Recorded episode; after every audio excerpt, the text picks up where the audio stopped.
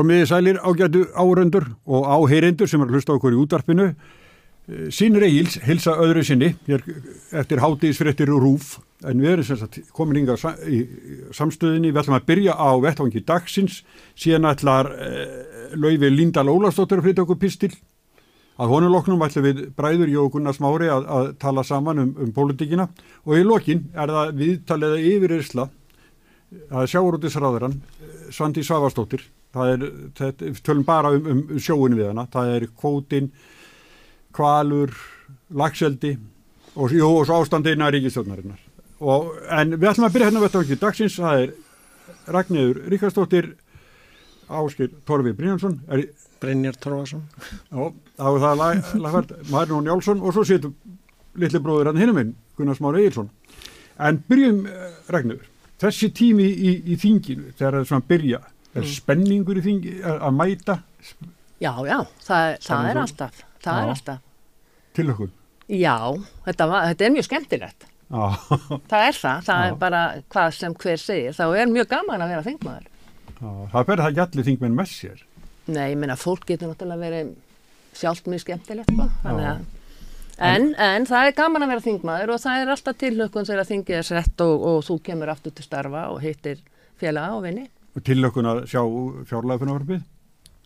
Já, ég segi nú ekki að það sé neins sérstök tilökkun það er bara nú, partur já, af, af hérna uppæfið þingsins er fjárlæða frumvarp fjármálur á þeirra og umræður um það og já. þær hafa í mínum huga ekkert breyst frá því að ég var á þingi 2007 til 16 þetta Nei. skiptist í stjórn og stjórnar andstöðu og, og Varst þið fjárlæða nefndu eitthvað? Já, ég satt þar um tíma Já það var mjög áhugaverk og eiginlega merkileg vinna að sitja þar inni sko. Ja. En ertu búin að glukka eitthvað í fjálaða fremfæði núna? Nei. Og ætlar ekki að gera? Nei. ég ætla bara að hlusta á það sem að aðrir hafa um það að segja já, og, já. og hérna Hér eru tveir sem eru öruglega búin að glukka eitthvað í það. Er það ekki strókar? Já, já, jú, ég hef búin að glugga í það. Ég, ég hætti nú í fjármálaráðinu í fyrra uh, en, en ég lærði af, af ömmu minni sko að það var þýtt aldrei að ringi hana heimsækjana þegar eldurstöksumræða væru því þá var hún á þingi, þá var hún bara fylgjast með fyrir framhæmsum varfi. Allar þessar umræða, þannig að það, það er svona alveg síðan í æsku hef, hefur maður einhvern veginn lært virðingu fyrir þessu og Fjárlögin er náttúrulega mikilvægustu lögin sem já, já. að þingi setur, þess vegna er þetta alltaf fyrsta þingmálið og, og það er í raun og veru þar sem að byrtist hvað á að gera, alveg sama hvað minn segja eða alveg sama hvað stefnur. Já, það, það, það var, var heilmikil breyting með lögunum um ofinbær fjármál sem, a, mm -hmm. sem að sköpuðu fjármálar á þess sem ég satt í frá því það byrjaði 2016 mm -hmm. og þangað til í fyrra. Við máttum bara vera 2-3 ár.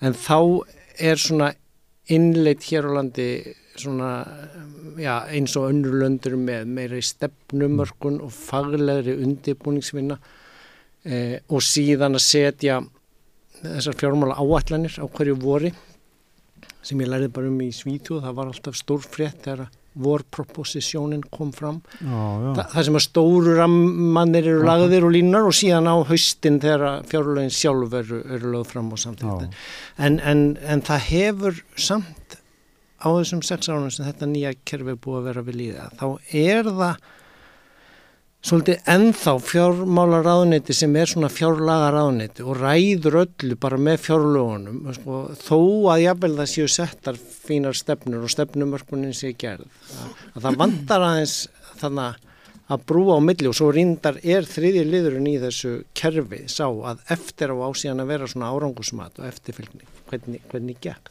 Þetta er svona hinn hin faglegu vinnubröð sem önnur lönd uh, nota en mér sýnist við vera svolítið í því að það eru settar fína stefnur um húsnæðismál eða hinnar og þessar, uh, við erum vön vega áallin, það er svona það sem fólk þekkti og vissi, það var eiginlega eina stefnumörkunin sem var hægt að setja til nokkur ára en, en allt annað uh, sko ekki en, en núna er búið að gera heilmikla stefnum út af vinnu og, og setja stefnur, húsnæðistefnu var ég að ræði gæra og fundi fólksins geðheilbriði stefna held ég að vera að koma fram en, en svo lofslagstefnan sem að IMF og OECD eru nú að benda á að, aðtapnir fylgir ekki orðum, það er ekki nóg að setja sér stefnu og skrifa fallega orð, það heldur þarf uh, að fyrsta lagi fjármagn að fylgja því sem á að gera og síðan, já, ef maður horfir á árangurinn hvernig ekki, meta uh, hvernig aðtapninar komu út og, og hverju var skilað og mm. þessa tvo þætti eigum við bara alveg eftir að koma svolítið Já. á fót hér Já. En hérna, við talum um þessar áallinu samgönga áallinu og fleira og fleira mm. það, þetta breytist bara svo hratt hérna það er ekkit langt sen að Sigur Ringi var sko, með glærur um, um, um jargung bara mörg samtímisjafvel og, og svo núna þá er og húsbyggingar, hann hefur búið að það verði byggt hér ykkur ógn af húsnaði svo kemur bara leið og fréttin af því er leiðin þá kemur frétt að, að það sé minna byggt heldur en áður, já, þannig að þessi áallanir það er ekki merkilegu pappir það, það, það er líka, annað í þessu er það að fjárlögin eru sífælt að grýpa frammi fyrir önnur, öðrum lögum. Það er búið að setja lög um ákveðna hluti, það er búið að setja lög um bætu því sjúklinga um, um, um hérna, hvernig á að hækka almanna tryggingar og fleira. Já og fjárlögin eru alltaf hvað eftir annað að grýpa frammi mm. fyrir þessum lögum vegna þess að fjárlögu eru jú nýjustu lögin hverju Já. sinni og það eru þau sem gilda og þess vegna verður það til þess að marta þessum góðu málum sem hafa verið þegar sett í lög í gegnum tíðina mm -hmm. þau verður ekki veruleika vegna þess að fjárlögin vegna þess að fjármála ráð þeirra uh, er annar heldur en sá sem var þegar lögjum voru sett eða það er annar flokku komin í stjórn heldur en var þegar lögjum voru sett. Og þessi flokkur og þessi ráð þeirra er mögulega með aðra stefnu. Einnig líka hitt að, að hérna að við höfum bara svo, svo mikið til skiptana og þá er alltaf verið að leita hvar getur við skorið nýður til þess að, að eiga nóg fyrir öllu og oft er það þannig að veikustu hluta samfélagsins verða fyrir þessum niðurskurði mm -hmm. þó svo lögin segja annað og, Það má, má heldur ekki gleyma því sko að mm. það er ekki fjármálar á þeirran sem hefur fjárlega valdið það er alþingi ja. sem hefur fjárlega valdið fjármálar á þeirran leggur fram frumvarp mm. um fjárlög en, en þingið lögjafinn hefur fjárlaga valdið. En ég er ekki undatekning af þingi fyrir gegnir áður án? Nei, það nei, hérna, er... Nei, fjárlaga nefndin sem er meiri hluti í stjórna þingmenn? Nei, sko, það, hef, það hefur bara sínt sig í gegnum tíðina að fjárlaga frumvarpið, það breytist allhressilega í meðförum þingsins. Já, ég, ég átti með alveg á því og ég er svo sem ekki, sko, þó svo ég orði þetta þannig að þá veit ég alveg hvernig gangur er í þingheimi. En, en staðrindin er svo og, og það er oft þannig að, að þegar það koma svona einhverja megin stefnur og þó það sé frá fjármálar á þeirra eða er það frá fagráðunit eða hvað er, það kemur svona megin stefna um ákveðna breytingu að fylgja ekki einhverju eftir sem á að fylgja eftir að þá kannski sko það er tekið tvö skref aftur og bák og svo er tekið hálf skref tilbaka aftur, sem sagt fram að við aftur þannig að það er niðurskurðunum tvö skref mm. og svo er bætt við hálfu skrefi fram að við til þess að, að mikið þetta. En taktu dæmi Nýjasta dæmi sem ég mann bara um hvernig þingi breytti fjárlóðunum mm. var núverandi dómsmálar á þeirra sem almennu þingmaður náði nátta miljörðum fyrir samtökuðinarins í niðugreislu á, á, á pallavinnu og, og, og sem sagt endurgreðslu á, á virðisökkarskatti fyrir, fyrir framkvæmdir í meðfærnum þingsins og þetta eru beinir 8 miljardar í þenslu hvetjandi aðgerður og ástæðu verðbólkurinn núna.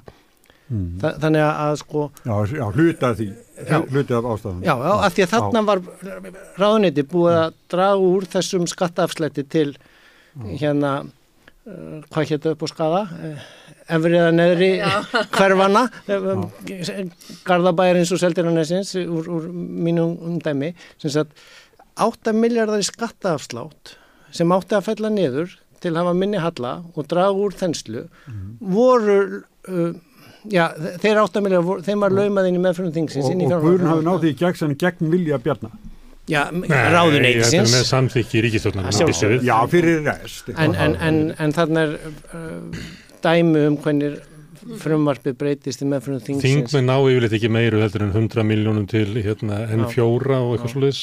Þannig mestu breytingarnir eru alltaf sko ríkistjóðni sem er ákveða á þessum mánuðum sem að líður frá því að frumvarpið er sett fram og þá er það samþygt mm. að þá eru bara breyta fórsötu frá ríkistjóðinni sem er langmesta breytingin. Mm. Það ekki? Mm. Já, er það? Er það reynslan? Já, já það, það er það, eða það, það koma Já, eins og þú segir ríkistjórninu, það koma líka, mm. þetta er ágúst og þánga til, til í desember, mm. þannig að þetta er langur tími mm. og það breytist margt eh, í pólitík og bara í, í hérna efnarsmálum á fjórum mánuðum og þá eru líka einstakar áþeirar sem að koma fram og vilja sinn gang betri heldur en byrtist í þessu miðað við að eitthvað hefur komið upp á, á þessum fjórum mánuðum þannig að það er, það er oft þannig. Já, já, fyrir utan það. Mm. En ég efa svo sem ekkert um það að, að setja saman fjárlög er, er flókið verkefni og það, verður, það er verkefni sem mun aldrei gera alla glada. Það, það er alveg staðurinn, þannig að þetta er bara spurningin um það. Hversu margi verða fúlir? Hversu margi verða fúlir og hversu hversu sko illafúlið þeir verða mm. og hinga til hafa fjárlög til þess ekki svo ég mun eftir orðið til þess að ríkistjórnir hafa farið frá og það er svona bara dæmið það að, að, að þarna er svona ákveð, ákveðið svona, þetta er svona ákveðin sáttamiðlun í þessu mm. að fara þessa leið og, og hérna en það sem ég eins og ég sé, það sem ég finnst vera Sko þetta með stefnumótun er eitthvað sem fyrir eitthvað nýtt í nýllensku þjóðfélagi. Það, það var ekki til hérna fyrir tíu árum að fara í einhver alveg stefnumótanir og núna þurfum við bara að halda áfram að þeirri, þeirri leið. Fara eftir stefnunni, ég held að það sé að stefnunni er komin en það er ekki komið svo hefð að fara eftir stefnunni. Já, það, er vegna, vegna, það er vegna þess að oft fylgir þessum stefnum ekki fjármagn. Akkurat og það er grunnurinn. Og það er grunnurinn, þannig að ef við höfum ekki, ef, ef við mótum stefnu og það er engin, sko, engin afmarkaður tekjustopp fyrir stefnuna Já. að þá verður hún aldrei að neinu Þess vegna þegar við erum að horfa áallanir um mitt og annað þá finnst okkur kannski ekkert svo mikið til þess að koma vegna þess að við vítum þetta. Já. Já. Þetta ætti eiginlega að bæta við eins og þess að Sigurður Ingi heldur um, blagamannafönd um að byggja svona mikið og bóra svona mikið og eða þeirra verið að kynna þjóðarhöll og svona. Það ætti borðið að ganga eftir hérna skjánum að segja þessa frangvættir hafi ekki verið fjármagnar og mjög ólíklegt að þeim erði bara til þess að þannig að sko fréttina séu umverulega rétt sagðar sko. Já, en þú, smári, fjálaða frumvarfið, þú ert búin að glukka það eitthvað? Nei, þetta er sko ekki svo vegna þess að sumuleiti eins og lögum óbyrgur fjárlögu er búin að skemma þetta, þetta er ekki sama fréttin og það var. Eða, það er ekkert nýtt sem er í þessu fjárlögum sem ekki hafi komið fram í, í, í vor eða kom fram í sko fundi sem að Bjarni skellti á hana, fyrir flokksráðsfundin til þess að róa sitt fólk þar sem hann var að tilkynna um hana, 17 miljóra nýðurskurðinu hann ætlaði reyka og starfsfólk hann var búin að segja þetta alls saman áður. Þannig að þegar að frumvarpi kemur fram að þá sá ég ekkert sem að var sko, ekki, ekki búið að fjalla um sko. og, og við hérna á samstunni við skrifum alla fréttum þetta vegna þess að það var ekkert nýtt í þessu. Þið... Er, er það ekki rétt í mér? Jú, sko, og, og þannig er aftur eins og kerfið er hannað, eins og á að vera að þá á fjármála áallunin að vera stóru rammanir eh, planið sem er síðan ennbætismennir og nefndirnar vinna eftir í gegnum sumarið fram að því að frumvarpiðum fjárlega lagt fram. En þarna stálum en svolítið hérna, hvað segir maður hérna glæknum eða, eða blóminu þú veist og fóru að monta sér af hlut af því einhvern veginn í vor með fjármáláallinni og svo aftur núna sko, og þetta er, þetta er það verður að breyta þessu þessari hugmyndafræði og ráðuneti, nú er einhvers konar fjárlaga ráðuneti mm. og, og bara fara að nota vor uh, fjármála áallina sem einhvers svona for fjárlög eða þú veist það, það, það, En, en hún er það þegar fjármála áallin er kynnt á vorin þá, þá ber ráðuneytunum Já. og fjár, fjármála mm. ráþeira mm. að taka mið af því sem að settir í fimm ára fjármála áallun mm. og byggja fjárlögin á því Já, já. og það er kannski dýbri pólitísku umræða á vorin heldur en á haustin sko. það er þannig og þannig á það að vera býst í við. Já, það sem sko, hefur verið að fást svona meira um Pundurum minnis á þá ekki að vera að fara nýri dítilana í áallunum á vorin.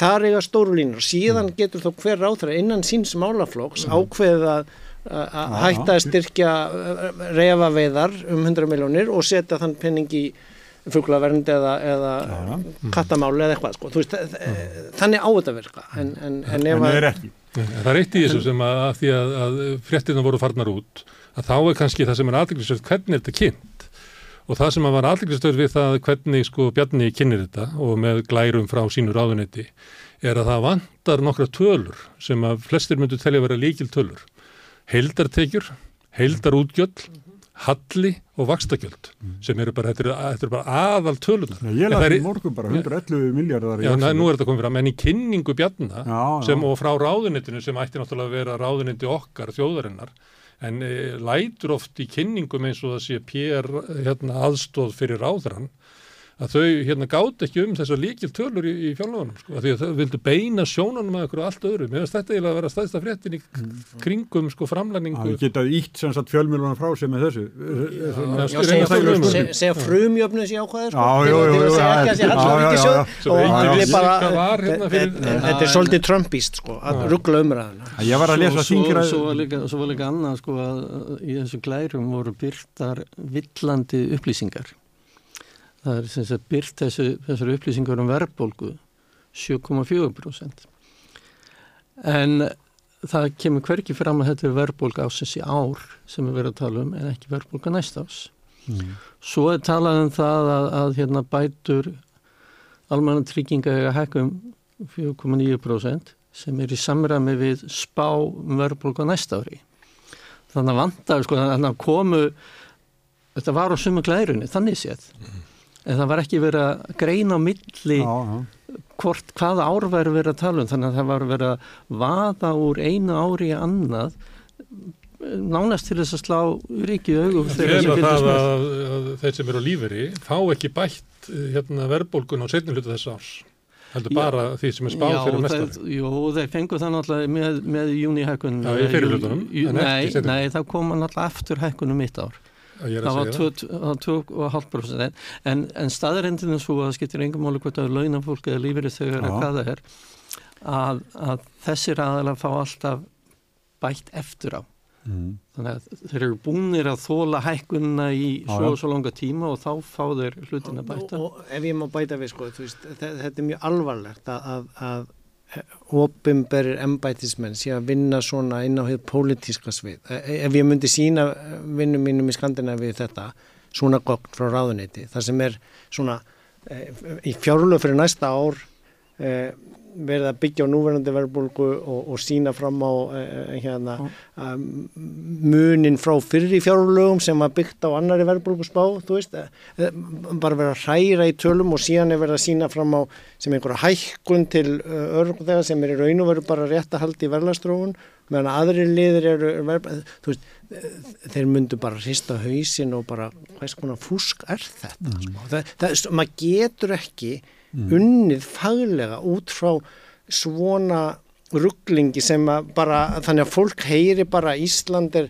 með hæstu skatta í OECD og, og frá sömumflokkum og aðrir segja hérna það er ekki nóg greitt til samleyslinu til að halda um velfrækjara það er þetta flett upp í OECD bara. Við erum ekki að borga einsháarskatt á önnur OECD-lund en síðan er, er, er alltaf verið að rugg negla með einhverju svona framsetning og tölum, Aha. taka stundu með lífeyriskjöldin okkar eða þarna þegar það liggur fyrir ósítið samanbyrða að við erum með minna af hlutvæða landsframleysli í barnabætur heldur en grykkir sko, að, að þá, já nei þá kemur Bjarni í Svengisand áhan með Kristurinn og segja já nei ef þú tekur með framlög okkar til leikskólana að þá eru það meir veist, fólk finnur, fólk er ekki vittlust, fólk finnur á sínu skinni bara sko hvernig í raun og veru tölfræðin virkar mm. þegar það þarf að borga en, en að umræðin, hinn pólitíska umræði sé öll í einhverju svona, svona tölfræðitryggsum eða, eða talnaleikjum eða Það vandar umbósmann talna, ég held að bæði Marinn og Ásker Brynja getur verið góður í því. Já, en strákar, nú ætla ég að leiða mér að segja við ykkur. Vitið það, þetta er svo fræðileg umræða hjá okkur, mm. það nennir engin að hlusta á þetta. Mm og það að þarf, ef eitthvað þarf að gera fyrir hinn venjulega borgara í þessu landi þannig að hann skilji að það eru tekjur og það eru útgjöld og það tekjurna þurfa að vera meiri heldur en útgjöldin ef við ætlum að gera eitthvað betur. Bara eins og venjulegur heimilisrækstur það þarf bara einfalda í mínum huga alla framsetningu fjárlega frumvarpsins og það er þá hægt að, að sko hafa það hann að tvöfalda, það er einföldum fyrir hinn vennulega mann og fyrir hinn vennulega þingmann sem þarf að fara í gegnum og skoða. Og svo getur verið fyrir fræðimennina til þess að fara í og bera saman Við vorum einmitt að kvarti verið að vanta þetta hjá ráðherranum að segja bara hverju tekjurnar, Já, hverju útgjöldin og hverju hallin og hvað við þurfum að borga mikla vex, vexti út af skuldunum sem og- við Er það og- ekki til að þvæla umræðuna? Er það, sko, Svo fólk skilji e, e, e, já, það er þannig. Já. Það er til þess að þessi vennilegu maður, maður hérna út í bæ hann skil, skilur ekki uppbyggingu fjárlega frumvarpsins og hvernig það er kynnt og sett fram þannig að það þarf bara að koma Ég, með ég, ég, ég sammála þessu en, en, en þá á ekki að slá fram allt í einu frumjöfnuði. Nei, aldrei. Eða eins og ekki. frettatilkynning ráðneyti sinns á 13. í janúar þar sem var sagt að, að hagur heimilina hefði batnað í smáleiturinn þegar ekki tekið til þetta vakstakleisla það er bara hagur þriðungs eða helmingsheimila hefur, hefur batnað því þau eru ekki með húsnæðislán. En það var rétt sem að Ragnar að segja að sko Bjarni kynir þetta þannig að hann er að vonast til þess að venjulegt fólk út í bæði að en, að en, það, þá náttúrulega koma svona kallar eins og ég og grip inn í og segja heyrðu, Já. að, en, en þessi tala, hún er ekki rétt hjá þér.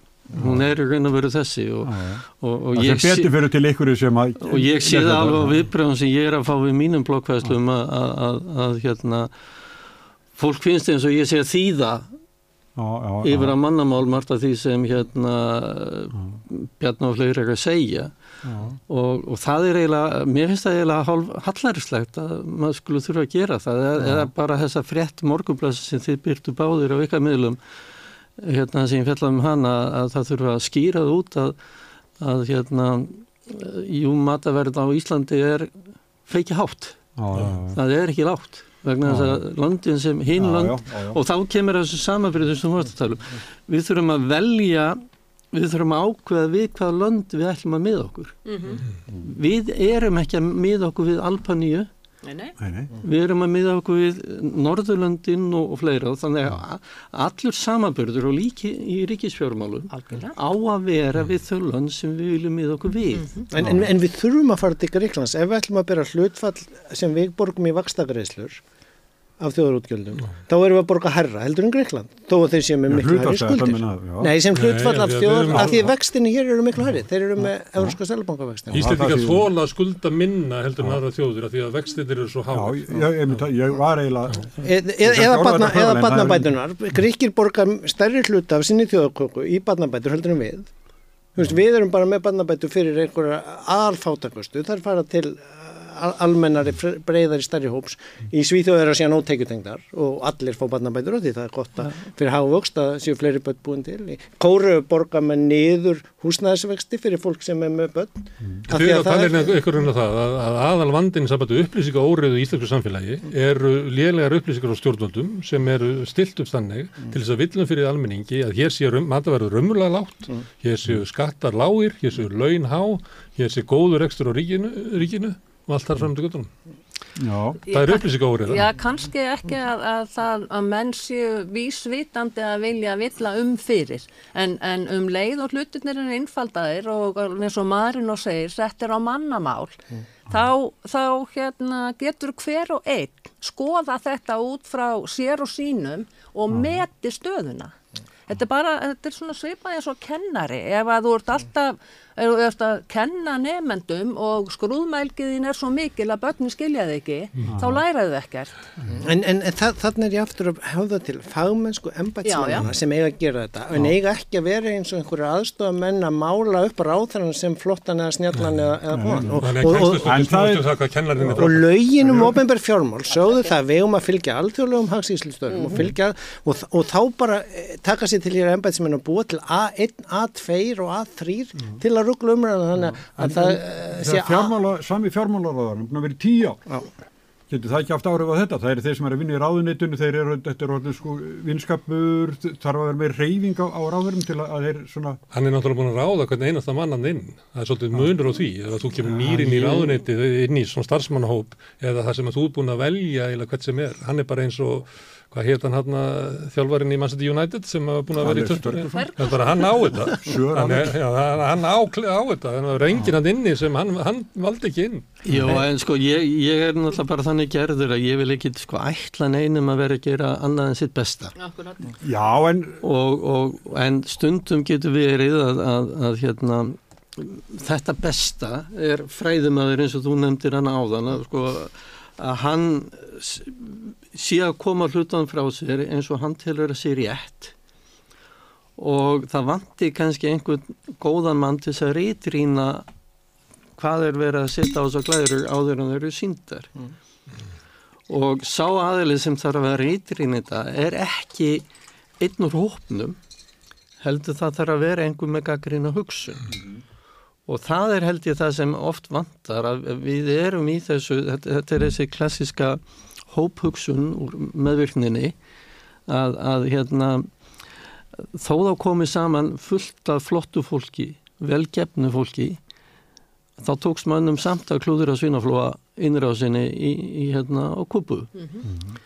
þetta voru helstu hugsuður bandaríkjana sem kom að þessu mm -hmm. Og þannig er það oft í þessum, þessum hópum að, að, að hérna, þarf að fá einhvern utan ákomandi til þess að gaggrýna hugsununa Bankanur í Íslandi, þau dróðu til sín allt besta fólk á Íslandi, allt hérna, hæfileikaríkasta fólk á Íslandi sem hægt var, yfirbuðu alla starfsmenn, það var ekki hægt að fá sko tölvumann, þau voru allir komin í vinnu í bankanum og það endaði 2008. Ó, það, það voru besta fólk á Íslandi sem að stóða því hrunni. Það ég verið einu sinu starfsmann FME og, og, og svo sem sást í skýslunni að þeir, þeir yfirbuðu alla starfsmann FME sko. Já, já. En, en, en sko, ef, ef ég má til að halda træðinu með hérna út frá kennaranum sko, að ég var innflytjandi í, í, í tíu ár í, í Skandinavíu, mm. í Svíþjóð og þá þurfti ég að læra nýtt orð og þetta er setni slettan minn í þáttunum að hérna basbelopp og ég vissi ekki hvað basbelopp var hérna. það er svona í öllum sænskum hérna gognum og það er alltaf uppfært á hverju ári mjög lítil verðbúin en þetta er sem sagt grunn viðmiðuna fjárhæðin í bæði personafslætti e, bótum sem eru tekjutengdar þannig að, að allt hækkar í, til samræmis við hækkun verðla þannig að, að, að það bara fylgir. Mm -hmm. það þurfi ekki verið að ræða það í fjárlögum hækkun til örorku mm -hmm. þegar sem var 5% en reynda var 7% verðbúin það, það bara allt fylgir. Og það er ekkert skattskrið sem það er ekki verið ákveð þetta á hverju ári. Já, og, og, en hér er það kynnt sem uh, rosalega breyting á, á tekjurskattskerfunu þegar þriðaþreifu var þetta sem var bara lagfæra skattskrið sem hafið orðið á tíu árum undan mm. og núna er þetta að magnast upp í verðbólkunni að það hefðu bara vegna viðmjöna fjárhæðana sem eru fastar um, um hús, húsvakstabætur uh, að þá hefðu þúsundir dottið út af og ekki fengið vakstabætur en, en þá er að því þeir hækka það viðmunafjara en það kynnt sem þrýr miljardar í viðbúti í, í vakstabætur mm. sem er bara bullshit að því það er bara verið ah. sem að basbeloppið hefur bara mm. séð um allir og við þurfum ekki þurft að vera rífastum í Skandinavíu mm. að því þetta er en, en, en meir og minna allar viðbútar fjárveitingar sem eru kynntar með flaðamannafundum, glæjurukynningum sem að, þessi ráð þeirra hafi aukið þetta fjármagn í mm. þetta er í raun og veru bara svona fylgja.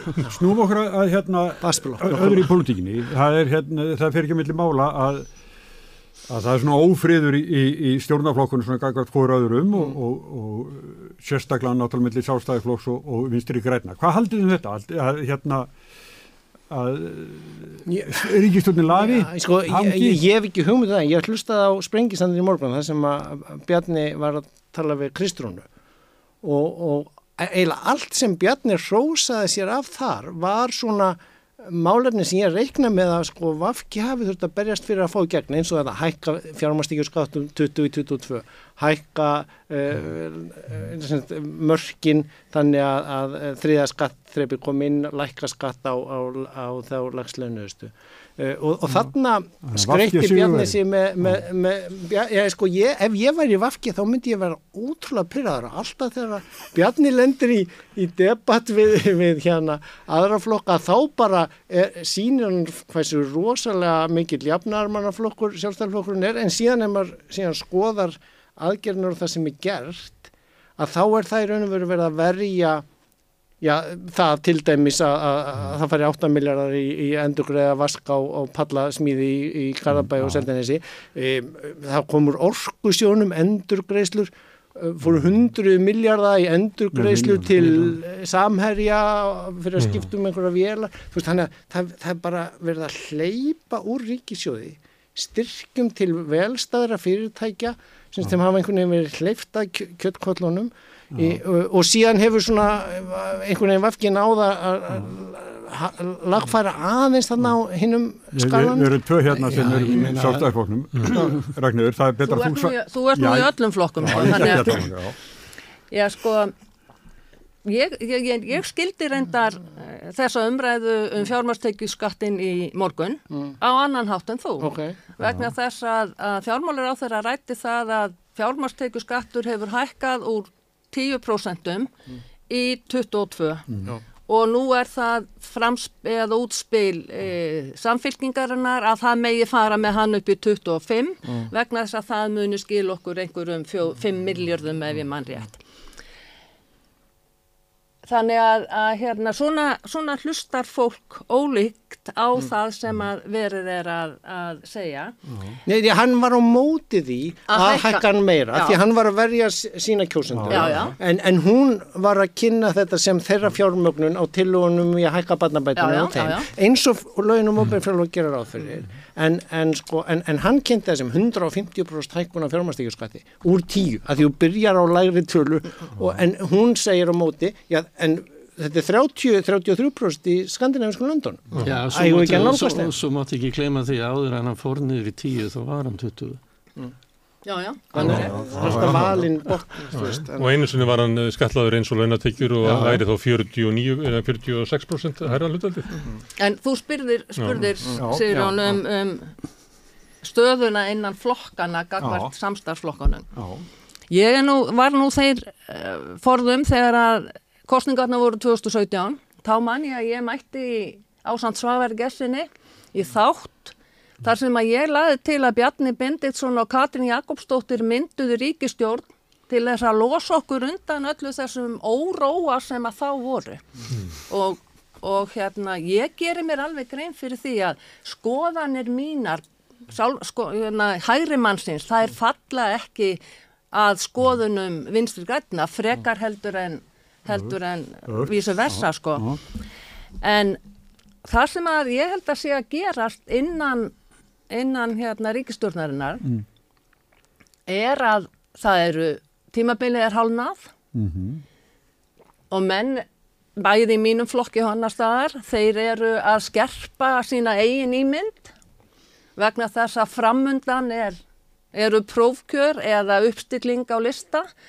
Og það eru tvö ár liðin, það eru tvö ár eftir og minnir hérna kjósænda er lítið, segja sumir, en menn eru bara að marka sér bás fyrir sig, prívat og persónulega og sinn flokk til Er þetta ekki aðeins svo snemma? Mætti það ekki vera svona, er þetta ekki ára á snemma? Nei, þeir, mm. þetta er bara Þetta er svo vitt En, en spurningi Það er menn í kostningabartu eins og í bandaríkjunum bara í tvö ár Já, næstu því En spurningi var sko, mun þessi stjórn Tóra var Já, hún mun gera það. Hún mun gera það vegna þess að ég held að, að ráþærasætin séu of dýrmætt fyrir alla sem eru í þeim.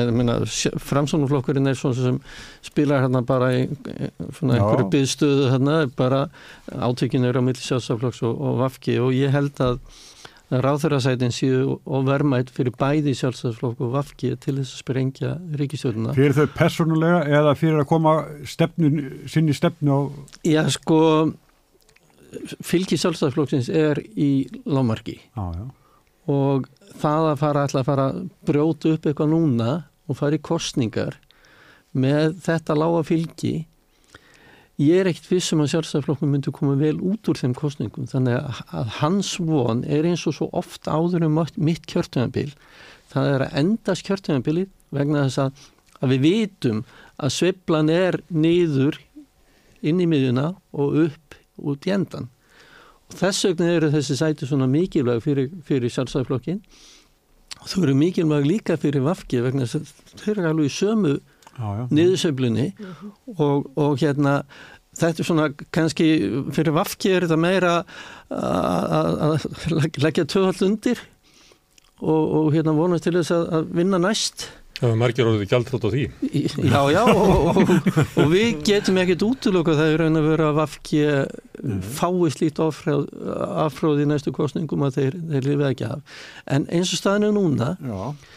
þá sykli framstofnflokkurinn fyrir ekki að legna sjó Mm. þó að sé að lækka í fylgið þá er hann samt svona bara veist, spjótin er ekki að beinast á honum En hann er búin að mista mest af fylginu hann er búin að mista meirin helmingin já, hann, hann er opinn í báða enda hann er opinn í báða enda og, en Vafki og sjálfstæðarflokk verða að halda sjó til þess að eiga vonum það að fylgið þeirra aukist og þeir verði sko leikhæfir á næstu, næstu mm. kjörtæmbili Ragnæður, myndu þú vilja fara með sjálfstæðarflokkin í kostinga núna?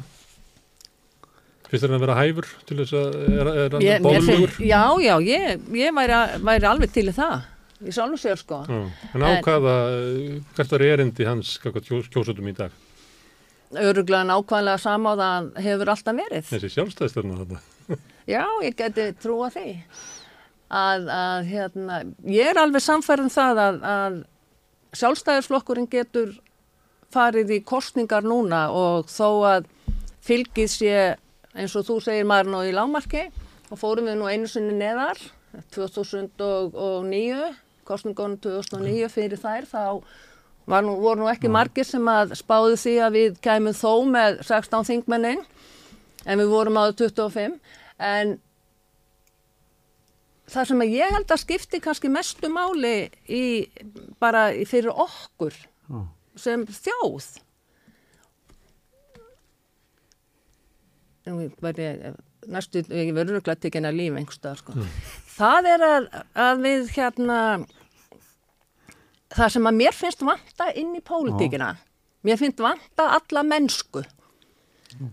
við erum sko og, og þar að leiðandi vantar alla mennsku í, í, í samfélagi við erum svo grimm og frek á það sem að okkur snýr og við viljum. Og við hvert annar líka? Já og orðræðan er bara orðin þannig, þannig að, að því að þú sagði stefnan, þessi mm. síkilda stefna, sko máli, þetta snýst eiginlega ekkert um það fyrir hvað þú stendur og hvað þið langar til að gera í pólitík. Heldur hvernig þú ætlar að nálgast verkefnið. Samanber þennan varaþingmann sem við rættum hér fyrir þáttinn sem ég hérna, kemur til Arna Þóri Jónsson sem er að klopp, kljúfa sjálfsæðarflokki mm. Þú er nú ekki áarpa hann, eða? Þessu, þú ert miklu viðtakra heldur Arna Þóri Jónsson. Miklu, miklu, ég er, ég er ekki að einskora ég er ekki að einskora þetta við, við, við hérna einn eða neitt nei, nei. bara okkur öll. Og, og það eru svona tökum, tökum eldurstagsumræðnar Já. Mm hvaða bull er það í íslensku samfélagi? Mm. Mm. Í alvöru. Já, já. Það er stefnur eða fórsættisráð þeirra. Það er ekki einasti þingmaður sem tekur til máls á eftir Katrínu Jakobsdóttur sem ræðir stefnur eða fórsættisráð þeirra.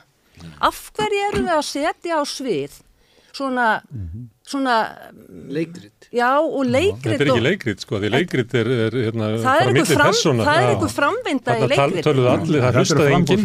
Þetta eru bara Það allir. Nei, og hérna, og þetta bara skipti máli hvernig við, ég kem út, sko, vel snýrt og huguleg Já, það voru helstu fréttina líka þingsetningun í hvaða fötum hverjir voru, ég meina, hvert erum við komin? Hárið og Jakobi Frímanni Ég skal viðkynna það að ég hef ekki hort á eldústag á þingi í öruglega 15 ár.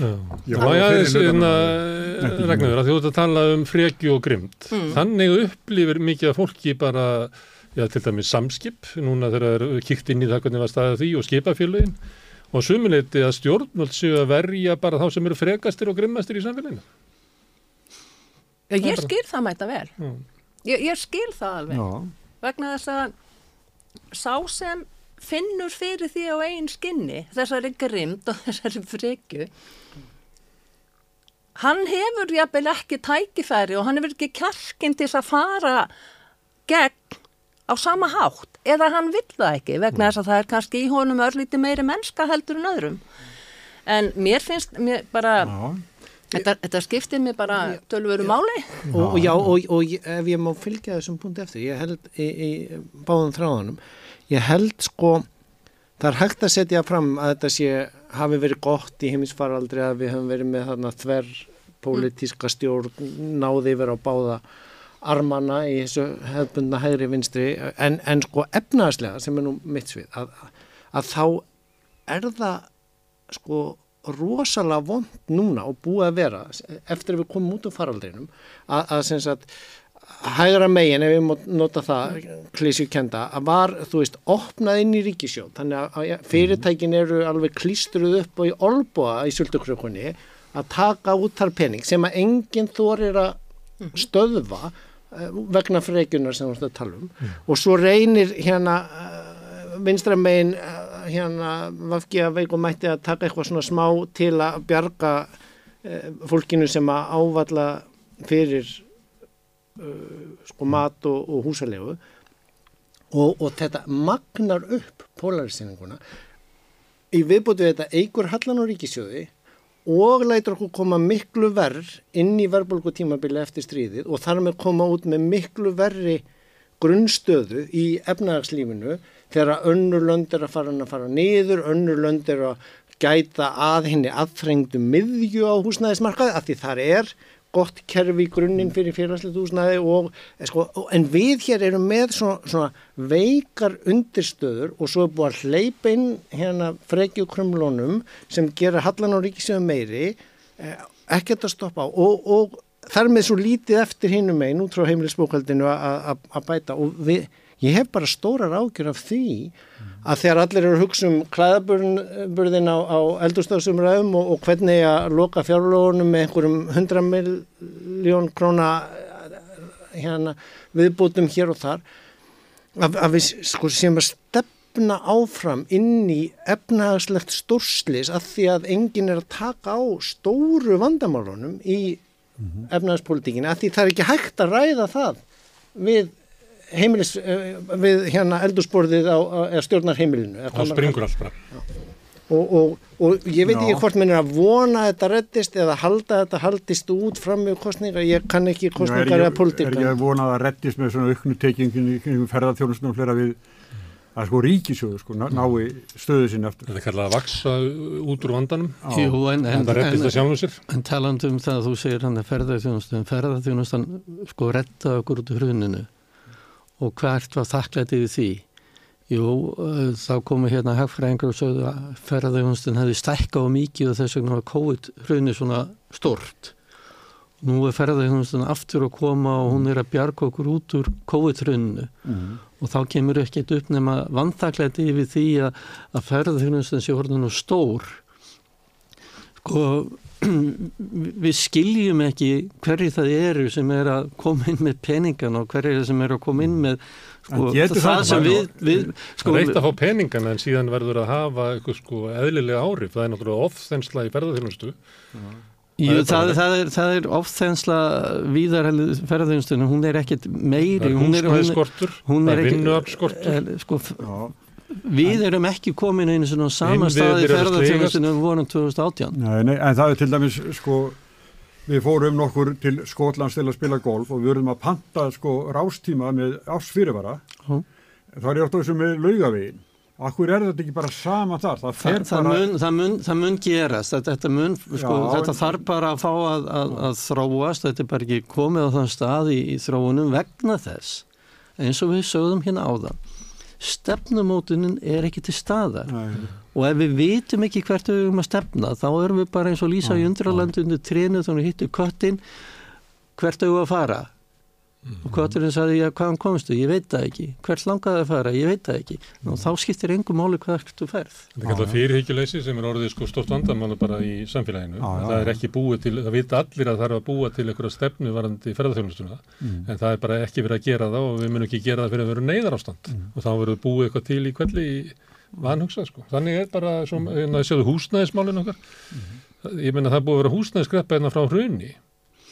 Já, og við, er, og við erum að gera hana, við erum alltaf að gera hana, við erum alltaf að gera hana verra og verri vegna þess að við, við skiljum ekki hvernig sko, legufélög eiga að virka. Hér á Íslandi þá virka legufélögum þannig að, að, að hérna, all, all leguhúsnæði er selt á þryggja fjóra ára fresti. Það er sem komið nýjar eigundur að legufélögunum. Og leiður þessi nýju eigundur komið inn þá taka eldri eigundunir út all, allan sinn hagnað. Já, en nýja eigundunir þurfa þá að borga Þannig að leyendirnir eru alltaf að fjármagna þeir þetta. eru alltaf að fjármagna nýja eigundur Þetta er, þetta er hérna velferðaríki Braskvæðing grunnþjónustu. Já, Þetta er náttúrulega ekki bóðlegt sko. við höfum rætta hér við Rauðaborði nokkur sinnum og ég var gladur að heyra það að ég hlustaði nú á eldustasumræðanar eitt þing maður tók upp það hugtak sko. þetta er velferðaríki kapitalsins það er gætt að því með verðtryggingu og, og þessum braskvæðingum þannig að, að, að það lifir alltaf vel af í góðum hérna og, og, og það er hluta ástæðan fyrir að ríkisjóður að borga svona háa, háa vakstakjöld að vakstast því er svo hátt hérna. Það er bara arðgreislur til kapitalsins og, og, og, og þetta er ekki gott samfélag sem kemur út úr þessu þegar við erum að bera okkur saman við, við nágrunulöndin. Fyrir viku síðan í þættinu þá, þegar ég var á þessu tíumpunkti og ætlaði svona að fara að slíta umræðan, þá sagði Þóra Kristín Áslýstóttir, hvað, ef ég ræða meir um pólitík, en það er komið að þeim vendipunkti núna, við erum að tala saman í, í, í 45 mindur. En, en það, við erum ekki byrjuð að ræða stóra málið svo ég herr mér eftir henni lofslagsmálin og krísuna Já. sem er í þess, og þar eru við ekki tilbúin alveg eins, sko við ættum að vera með stjórnsísluna og neyðarstígi sagði ég gæra og fundi fólksins út á ástandunum húsnæðismarkaði bara eins og í COVID þyrstu að vera að, það sem að fyrirtæki eru búin að vera að gera retooling, svona, endur uh, hanna ferlana sína endur hugsa hvernig við gerum hlutina endur skipulegja eins, eins og var hægt að gera hér í COVID þó við hefum ekki verið búin að byggja nýja spítala það tókst, en á húsnæðismarkaði er ástandið þannig að það ætti að vera eins ástand, neðar ástand mm. og sérstaklega síðan ofan á toppin og það allt í lofslagsmálunum, ég menna lofslagshamfarinnar sem eru búin að byrtast í bara miðarahafinu hækkun og, og, þessi þessar hamfarir, því nú er þetta hamfarir það sem er í Líbi, er vegna þess hvað miðarahafi hlýnaði Daniel myndaðist þar og þú veist, í Greiklandi er búið að vera bæði mestu þurskar og mestu rigningar, það ringdi þar á einum degi sko meira heldur en á átján mánuðum, þú veist, það, það fólk bara sogaði spurtu veist, þetta er ástand sem er komið og í Norðursjónu er hlýna líka sko. og, og, og við erum ekki uppfylla stefnumörkunum okkar, markminu okkar IMF og OECD er að gaggrína að hér eru yngar forki fjárveitingar nýja aðgerðir heldur bara fín orði í stefnumörkun og, og sko þetta er neyðar ástand sem að fjela lækna um lofslagsmál saði að stjórnsýstina ætti að fara að neyðast út af. Ég nýjón afi, badnabæði minn má ekki svo út í vagn í Reykjavík stundum að því að það er svo mikil mengun. Og við lækuðum skatta á stóra trukka þannig að þeir borguðu minni skatta heldur en jari spílaskilu fyrir tíu árum. Og við erum að fá þetta allt í andliti núna stefnumörkun. Og svo á að fara að reyna að rukka að núna smá skatta á ramaspílum við, við, við erum með svo margt niður um okkur á efnaðsviðinu, húsnæðismálusviðinu og lofslagsviðinu sem er efni í aðra þætti, sorry, ég bara varða að koma þessum stóru punktum. Þetta er liðurinn önnu mál. já, já, og, og þetta er svona eins og tala um sko að af öllum stöðum jörðu í hérna Death Valley í Kaliforníu, þar, þar sko komu flóð. Mm. Já, já. Ég var það einhver tíman og þá var regning og það var helmingur en það regningun mánuði, þá var held ég tíu drópar. Já, já, já en þá komum flóð þarna í kjálfærið af, af hérna regningunum þessari fellibil og, og, og, og þetta er bara það sem við verðum að fara að skoða. Ég meina ég held að mjög margt ungt fólk sem er sko bara er í kvíðakasti yfir loftálsmálunum vegna þess að það sér, það veit ekki hver, hver hérna, fremtíð þess verður við hvað þarf það að glýma og, og hérna síðan er þetta spurningum sko ekki bara barnabötnin okkar heldur líka barnabötnin og, og alla þá afkomundu sem þar koma mm. hvað verða marga kynsluðu sem hérna muni lífa við nægilega góð skilirði til þess að það teljist ásættilegt. Ég menna það vil svo til að Ísland er eitt af fáulöndum í heiminu sem þólir þetta veðfærslega séð mm. en við vitum ekki samt hvað verða mörg flóðin, hamfara flóðin hér á næsta ári. Við sko hækkun sjávareifubórsins er farið að gæta hér til þess bara öst, austur á höfn. Jú en, en, en á móti kemur að þegar sko grænlega ja, land er að síga. Nei, landið er, að, landi er að rýsa. Að landi er að rýsa, já. Og það sem hefur verið að gerast í Jökulsálónu til dæmis er það að, að fjallaðið millir vegar og, og fjöru mm. er að aukast og, og, og þetta er það sem mun gerast. Ísland er á, á þessum stað að þegar Grænlandsjökull hérna bránar Já. þá mun jarðskorpan eh, rýsa upp á þessu sveiði og það mun toga Ísland upp með sér. Mm. Ég ætla að taka undir með þér ásker en ég, mér finnst stundum eins og við séum ennþá á sama stað og svona fyrir hvað er ég, já svona fyrir 40 árum þú veist, við, það, það er hérna við, við erum svona hamhleipu fólk og við erum svona hamhleipu þjóð. Það var hérna, það var síldin, síldin kom og það fóru allir. Ég er krakki heim á Skaga það kom tógari, þá var unni 10, 12, 14 tíma til þess að klára aflan og það er einhvern veginn, mér finnst stundum að sé þannig í okkur að við látum svona reka á reyðanum af því að við ætlum að redda þessu mm. Mm. og við gerum það ekki, ekki í lofslagsmálum mm. og við gerum það heldur ekki í mörgum öðrum málum og þá, þá kannski komum við að því sem að sko, stjórnmálamenn þurfa pínlítið að fara að huga að þeir geta ekki komið fram í sjónvarpi eða útvarpi og sagst að ætla að gera þetta og þetta og þetta og þetta. Og síðan eru þeir aldrei látnir standa við það sem þeir sögðu. Og það að við setjum hér hverja stefnuna á fætur annari já, já. og tek undir með þér Gunnarsmári, mm. það ætti bara að setja borða undir mm. en ekkert af þessu er fjármagna. Mm. Þannig að stjórnmálamenn geti komið og, og, og, og hérna, klappað sjálfum sér á baki fyrir góða stefnu í einhverju málum. Það fylgir því ekki fjármag sem að allir vita að þá verður ekkert úr því.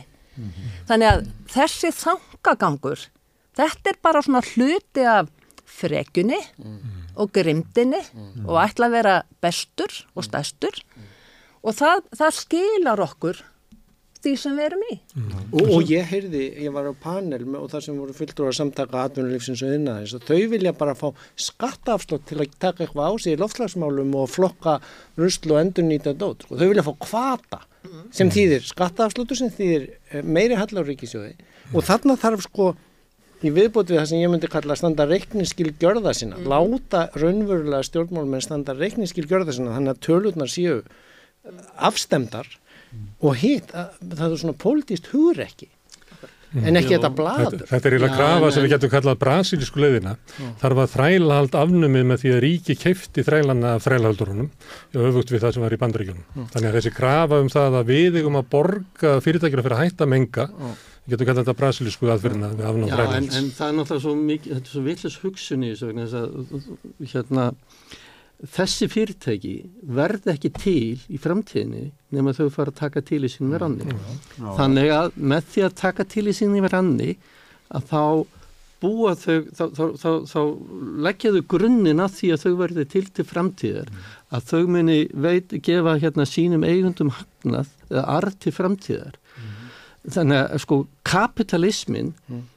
ætti sjálfuð sér að reddu þessu en það eru kapitalistanir sem er að, að vinna gegn þessu vegna þess að kapitalismin hann er að viðhalda sér sjálfum sér til framtíðar með grimmur og frekur eins og hér eru þetta hann er, hann, nei það er kapitalistanir oh. ekki kapitalismin kapitalismin góður. kapitalismin hann snýst um það að vera til til framtíðar. Og, og, og sko má ég segja, ég horfði á kynningunni á Apple. Mm. og, og þeir, þar kom bara inn á fundin í, í, í vídjónu eh, hérna uh, kona. Og hún var móðir náttúra. Og hún bara yfirherði Ég held að það veri leikið. Já, já, þetta var leikið já, en, en, en punkturinn er sá. Apple er búin, Apple áleika stórst og Ísland svona starfsmannafjöldi. Mm. og þau eru búin að ná uh, kollefnisjöfnun á, á alla sína framlegslu sko, 2030 eða 50 eins og við erum búin að setja koma, nei, núna á síðast ári. Mm. Veist, og, og, og þau eru að minga vastnótkun, þau eru að endur nýta veist, og þau eru að ná betri árangri heldur en stefnumörkun sem er sett Já. meðan að IMF og OECD kvartar yfir að við erum ekki að gera neitt í því og við erum bara versna frá mm. einhverju stefnumörkun og þetta, þetta, er þetta, þetta er nákvæmlega þetta sem ég var að tala um að fyrirtækinn taka þetta í eigin hendur mm. þá verður þau til til framtíðar mm. og þannig er þetta bara þetta er bara kapitalísk hugsun mm. um það að, að byggja undir sjálfa sig til framtíðar Mm. Með þessum framkvæmdum. Mm. þetta, er, þetta, er ekki, þetta, þetta er ekki græðgi, ég menna vissilega einhver græðgi en þeir hefðu geta farið í fulla græðgi og sagt nei við ætlum að ná öllum hagnaðum út núna. Mm. -hmm. eins og fyrir ekki í Íslandi en, en þá þurfum við náttúrulega líka akkurat Gunnar Smári, þá þurfum við að breyta þessum leikreglum. Hvaða hemmja er það að bæði samherja og ísfélagið fái út úr þessum lofslagsjóði til þess að breyta ykkur hjá sér?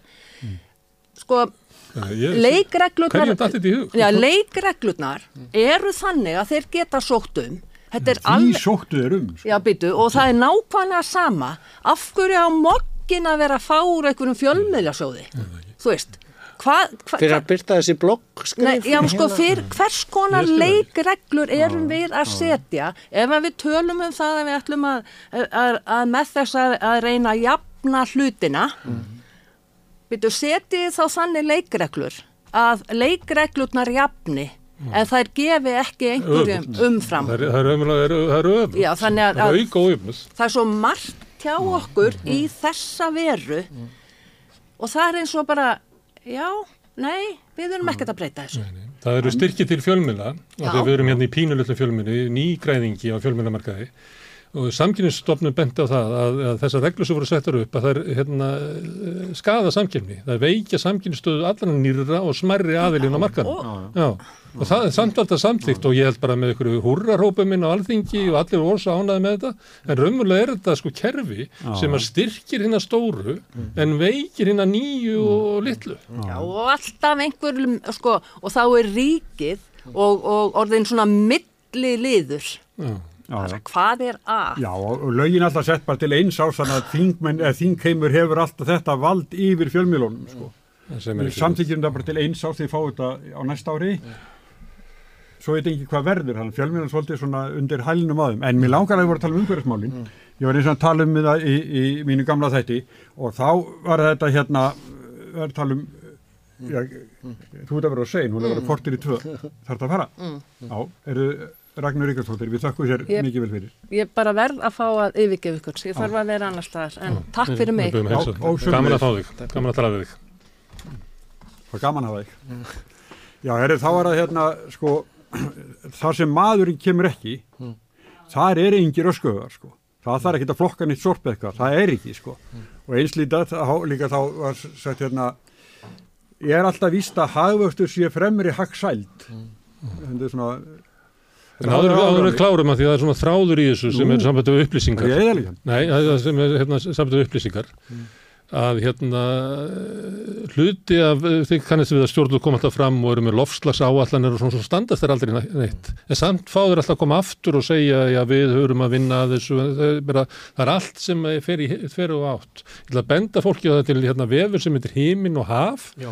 og þar er innið mælaborð sem hún Birna Hallstóttir Birna Sýrún Hallstóttir heldur um sem bróháður aðali. Mm. þar er þetta að sjá til dæmis að ef maður miða við 1990 Eh, ef það er 100 þá er Íslandi, Íslandi 127 í dag við losun. En ef við tökum til dæmis bara Danmörku þá er þeir í 62 ESB í 71 það, það gengur, það er allir einhvern veginn að reyna að vinna þarna niður nema eitt land sem er Ísland sem að bara talar um að gera það en gerir það ekki, það er ekkert eftirlit með því hvort að stjórnlega sé að standa við þessum að gera vegna þess kannski að því að fjölmöðunir er svo veikir að menn komast upp með það að fara með sömuræðuna ár eftir ár eftir ár án þess að hún gangi nokkuð tíminn eftir. Já, já, fyrir bara svo morgublaði sem gerir jáfnvel grína þeim sem ágjör þessu. Já, já en, en þetta er náttúrulega líka og svo sko náttúrulega gerum við út á það að fá undan þóður Við, mm. við, erum, við erum, hérna, erum stöðut að byggja um undanþáðuna í staðan fyrir að koma með móðu jörð appul hérna inna á sviðið og segja hvað er þú að gera og líst í hvað, hvernig þú ert að fara. Mm. Þá erum við alltaf að, að fara í þessu undanþáður og, og, og núna segja menn og hafa oft sagt að það séum gott af stóriðinu í Íslandi vegna þess að, að hérna, uh, hún noti þá vistvæntur rammagt en hvernig af hverju var ekki fyrir langa, langa, langa lungu búið að gera þá kröfu til stóriðunar og hún breytti sinni framlýsluferlum þannig að hún mengaði ekki? Og, þetta er oft sko, sko það sem heitir hérna total quality management eða alltaf gæðastjórnum gengur út á það að taka allt ferlið frá upphafið lenda og í staðin fyrir að, að hérna, tína út göllu hlutina í lók hérna, vinslulinnar að þá kemur við veg fyrir það í vinslulinu að það séu gallaði hlutir mm -hmm. og þetta er þannig þetta er það sem við þurfum að hugsa í öllum okkar málum þegar kemur umhverfismálum, mm -hmm. það er að breyta framlöðslulinni eða, eða, eða hvað viljum kalla það, ferlinu sem við förum eftir, hvort sem það er þegar við förum út í, í búð og kaupa mat eða, eða hvað það er, þannig að við tökum út gallana strax í upphafi og þá verður minni losun í lokin. Hérna verður við að ljúka þessu, við erum, við erum búin að vera hér Já. í fulla klukkustund. Já, við erum búin að spjalla hérna saman og við ætlum að halda áfram að hafa hér pistil í þettinum sem er það sem við fáum einhver til þess að koma og ávarpa, halda sitt á, áramóta ávarp. Nú er það Laufey Nindal Ólafsdóttir, hún er formaður PEP, félags fólks í fátækt. Hún ætlar að fá ávarpa þjóðina, eða allavega hlustendur samstöðurinnar. Gjör svo vel.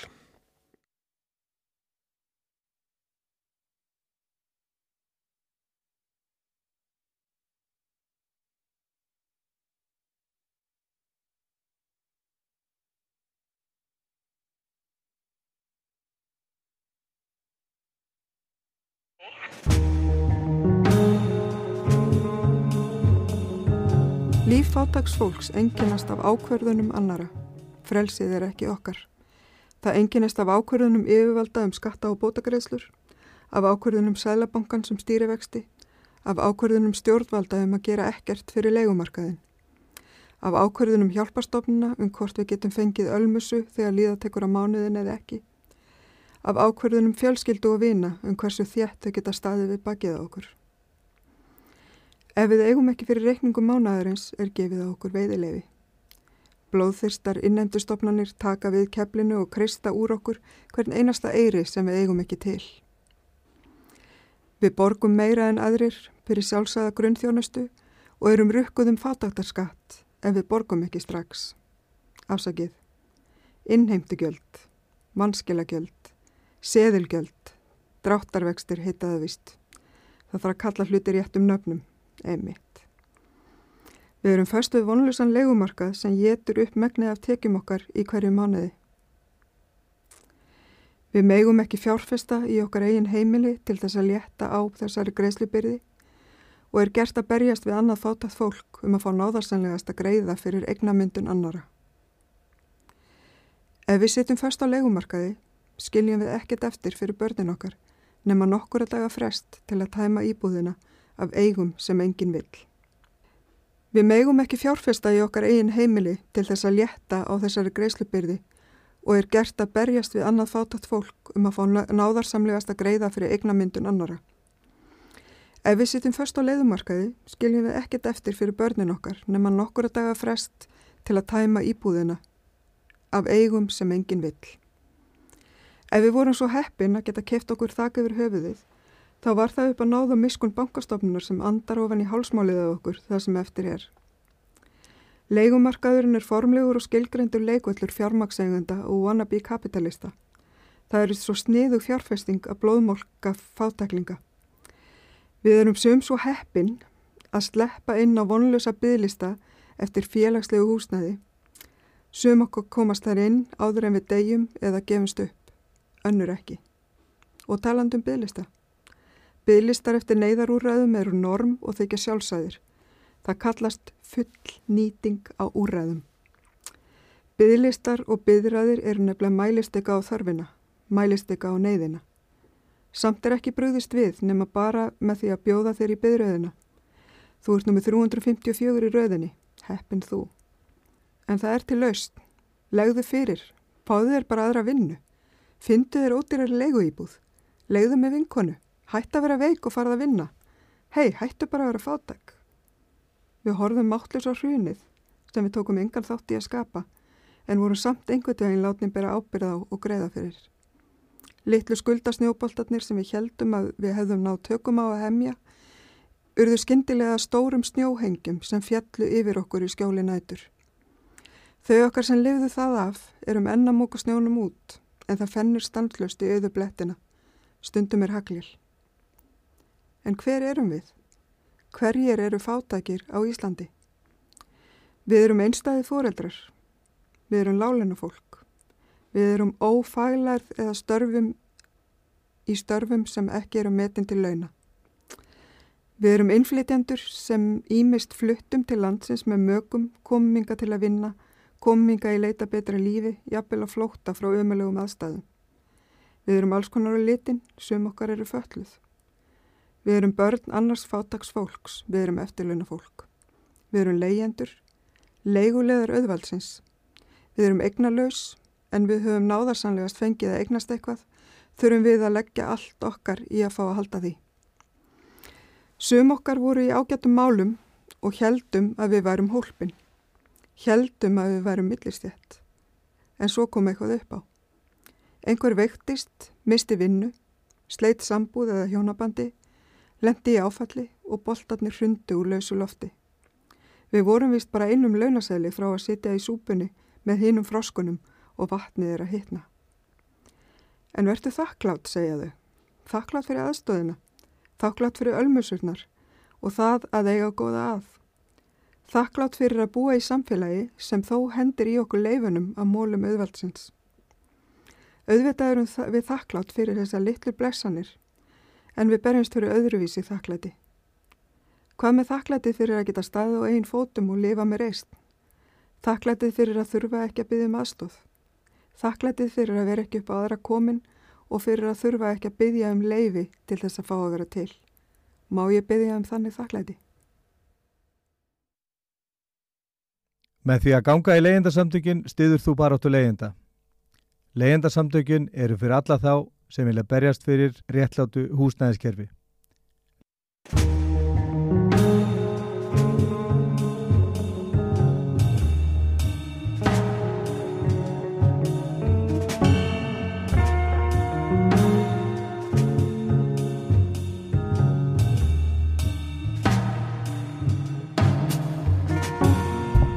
Já, ágætu áherindur og áhorfendur Nú hefur komið að sem fasta lið Gunnar Smári bróðu minn. Ha, við ætlum að ræða um pólitík. Þú voru ekki að því? Jó, en svona okkar á millið, þetta er svona áskóru sem við fáum, halda þess áfram að tala saman tveir. Hvað er hérna, er þetta ekki það sem vorum að ræða á þann, er þetta ekki svolítið svona að ég hef stjórnmála menn geta haft hagað í að vera með svona upplýsing óreiðu? Það sé erfir að ná tökum á þeim, því að það er kannski erfitt að, að fyrir hvert sem er að, að skilja hvað er að fara kannski á, á einum bladamannafundi því að ef þetta er flókið framsetning jafnvel verið að, að, að svona fjela það sem mm. er sárast og vest. Já, menn hafa náttúrulega gert það, stungið alls konar upplýsingum undir stól og Já, vilja alltaf svona uh, kynna þetta svona með sínum hætti en ég held að þetta sé verða núna heldur að hefur verið áður, ég held að þetta sé bæði af því að fjölmjölandir eru veikari, já. það er ekki svona menn komast upp með ímislegt eins og að skipta út hugtökum eins og vera að hæðast að bjarna með frumjöfnuðin af því að jöfnuðurinn er ekki nógu góð uh, upplýsing, hann vil ekki koma fram og segja að hann sé að reyka ríkisjóð með 43 miljardar halla, þó svo hann sé að selja Íslandsbanka. Að hérna, hann er kannski hallin hjá hann er 70-80 miljónir miljardar, miljardar sé, ef maður tekur ekki til þetta eignasólunar og þetta er náttúrulega ekki gott til frásagnar í verðbólgu senslu, mm. verðbólgan er þannig að hún skilar miklum tekjuminn út af bara verðhækkunum og fleira en, en hinum einn ertum útgjöldin og þau hækki ekki alveg í sama takti það er svona uh, um, um tíma getur fjármálar á þeirra látið eins og það sé alltaf ganga betur um, en á endanum en ég er ekki að gera það nei það er ekki, á endanum mm. kemur náttúrulega inn hérna krafanum að, að, að hérna, hækka útgjöldin líka því að, að verðbólka það, þeim megin líka mm. þannig hann svona kemst upp með hérna ansi margt í svona almenn umræðu sem að eiginlega allir sjá í gegnum eða þú veist allir sem hafa kynnt sem álið sjá í gegnum en, en það er eins og svona fjölmjölamenn og bladamenn finnist það ekki verið að sitt hlutverk en þingmenn Já, svo er það líka. Já, ja, það er kannski ekki síður alvarlegt. Já, og inn, inn í flokkonum og þannig að þá veldur maður líka fyrir sér, eins og inn í sjáttarflokkonum og, og Valki og fleiri það sem að völd fórustunar þeirra sem eru hérna í fórustu flokkana finnst með vera miklu meiri nún en áður var. Þannig að hérna e, Bjarni er bara í sínu ráðunetti ráðunetti virka bara eins og PR-skrifstofa fyrir hann, býr til einhverja glærur og hann reynar að kynna eitthvað út í samfélagið. En er, e, hann er ekki að gera þetta svona kakvað sínu flokksfólki finnst manni, hann þarf ekki að verja það fyrir sínu flokksfólki Nei. þannig að minnst það líka veikari flokkar veikari fjölmjölar sem að veldur því að, að það verður svona, hann áskil Brynjar kalla þetta bara trömpisma það sem að stjórnvöld um, bara kerfisbundið beita mm. upplýsingar óriðu til að slá ríki í augunum almenningi til þess að geta bara haldið, haldið völdum Já, já, já, já. Og, og finnst þér þetta að vera svona uh, aukast en það er náttúrulega, sko, fjármálatí Bjarnar Bendisson er orðin svo launga það er svo erfitt að muna hvernig það var áður. Hann er búin að vera, maður er búin að sitja hann í tíu ár. Já. Og þannig að það er kannski hann sem er þá, það sem er uppi núna er kannski mótal af honum. Já, ég veit, ég veit, næja, jú, ég veit ekki. Næ, ég held að það sé verra en það var, sko. Ég held að það hefur verið meiri umræða um, um fjármjög. Ég var eiginlega að segja það. Það var eiginlega miklu meiri bara pólitísk umræða á Íslandi, sko. Þessum er við til dæmis síra því að það er bara allt og lítið pólitísk umræða á Íslandi. Já. Og, og það er allt og sjaldan sem er svona dreyið fram um hvað málur raunverulega snúast. Við getum tekið eins og ríkis uh, sjónvarpið og útvarpið. Verðist ekki lítið á þessi neina skildu sína að draga upp hvaða er sem er í, í fjarlónum kannski sá sem hefur verið duglegastur við það er kannski Þorður Snær sem, á, á, á heimildinni og var að þráður kjarnanum. Þar sem hann svarar þessu sem að maður drætla, það væri bara skilda bladamanna að setja fjárlögin yfir á mannamál hann gerir þetta alltaf hverju ári en maður veldi fyrirbyrtu hvað ári gerir í sjónbytt ekki uh -huh. er það ekki þeirra hlutverk? Jú, jú, jú, jú. En þeir eru svo... En, já, líka bara sko, og pólitiska fréttir, maður stað að, að þeim var að skrifa þingrættamar, þá var maður nýri þingi. Já, já, voru... Og Kristir Hapsson var hérna í Vitalið það mér í gerð. Já, ég er búin að hlusta á mig. Þegar hann uh, var byrjað að koma inn á Ríkis uh, útvarpið, þá voru tvær fréttastofur uh, á Ríkis útvarpinu. Þá voru tveir þingrættamenn. Mm. Þá var hérna ríkis útarpið með tvo þingverðamenn það var svo útarpið sko oh. og hann nefndi að, að hérna voru svona ræða þann tíma að þá maður líka verið það voru mennað með svona útsendingar eða svona uh, fréttir að fundur sem voru haldnir bara út í sveitum landsins sko, svona pólitíski fundir sko. Ég, þetta er allt saman farið. Kannski er ekki fundir lengur, ég veit Já. ekki. En Við komum samtímið sinn, ég og Kristi Hrafsson og ég Já. tók við hérna pólitíkina Allar Rúnari Halldórsinni og ég var breytt þá allan eða sumatíman eða voruð þegar ég kom í manni hvernig þetta var sko en, en, en þetta var Það var Arnar Högson og allir eh, sem að voru þegar hann eh, var að vísa til þess að þeir eru verið tveir í þinginu. Já. Hmm. Men það var meiri umfjöllun sem það var. Og mér finnst að menn taka þessu bara meira alvarlega hlutverki bladamannana að hérna reyna að, að sem er sumuleiti er bara hlutverk okkar það er að taka eitthvað svona glundrúða sem er í samfélaginu, allir að reyna að, að hérna, stilla hlutunum upp eins og hérna uh, sínir hagsmjölur eru, mm. reyna að greiða það eitthvað þannig að svona bara venjulegt fólk getur skilið um hvað þetta er mm -hmm. og, og mokkin er ekki þessu, mokkin er bara málgagn Eh, ríkisúttarpi bara eh, stundum finnst maður eins og ríkisúttarpi gerir þetta ekki vegna þess að það er svo mikið vesen að gera þetta. Því að ef það gerir þetta þá ringir ykkur og skammar þá og ykkur eh, ringir í útastjóra og annar ringir í fréttastjóran og þetta er bara, þannig að fólk ákveður bara að hafa þetta svona þannig að valdi sem minnst að raski já, þannig að yngi ringi helst. Það er nú umt að trúa því. Og þá er þessu stillu upp, þá er þessu stillu upp þannig að hérna kemur fjármárar og hann segir eitthvað, svo kemur einhver stjóðanæðstengur svo daginn eftir þá tala við verkefnisefingunum sem segir eitthvað, svo tala við samtöku aðlýsi sem segir eitthvað, þannig að það er eins og við lifum í heimi þar sem er bara margir sannleikar en, en sko fjölmiðli lítur ekki á að það sé sitt hlutverk að reyna að greið út úr já, þessu já, já. og segja bara eins og þeir upplifa sannast þannig að ég held að sé ekki verðingin almeinlega pólitísk umröða en við höfum eitthvað svona eitthvað samkomla um það hver grunnurinn er sem við stöndum á Já, já, já, já. Hmm. Nei, það getur vel verið að, að hérna pólitískur umræði hafi farið mikið aftur eða, eða fjölmilum til að greina frá því sem að gera því stjórnmálunum hafi farið aftur. Já. Já.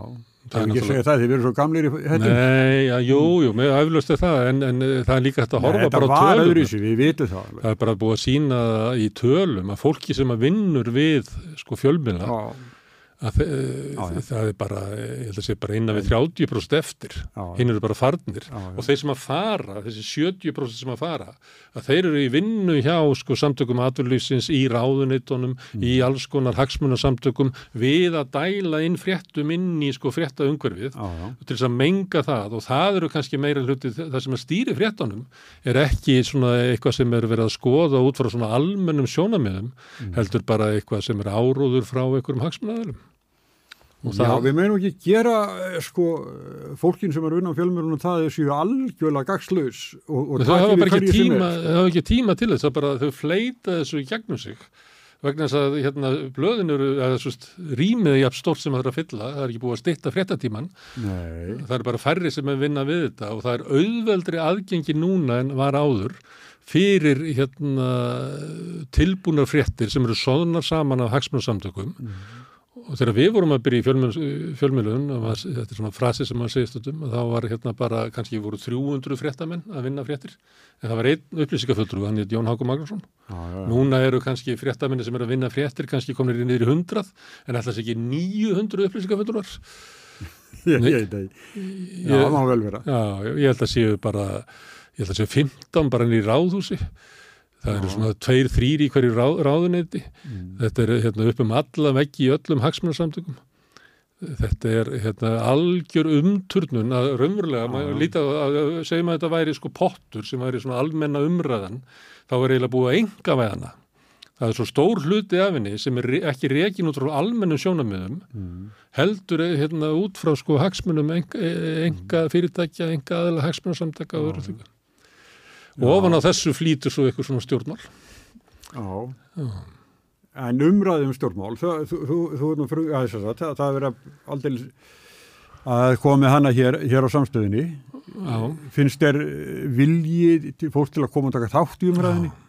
Já, bara vilja allir Törf. koma það vilja allir koma, það er svona smá hópur af fólki sem finnst þetta ekki nú fínt eða eitthvað Það er náttúrulega alltaf þannig að, hérna, og ég býstu þessi ennþá þannig að þegar við ringjum og byggjum einhvern veginn að koma í einhvern þátt að rauðaborðinu hérna, sent á 50. skvöldi eitthvað sluðis, mm. að, að það er hérna, fólk kemur að bara ef það getur, en kannski ef, ef að sko rúf myndir ringja og bjóða fólki í kastlus og þá segir það bara jújú og bara breytir prógraminu, ah, veist, bara, en þetta er alltaf gaman, ég hef oft verið með í svona litlu miðlum og það er bara gaman að vera litlikalling. Já, já. En um, það er enginn sem neytar að koma hinga því að, að þetta sé ómerklitt sem við erum að gera.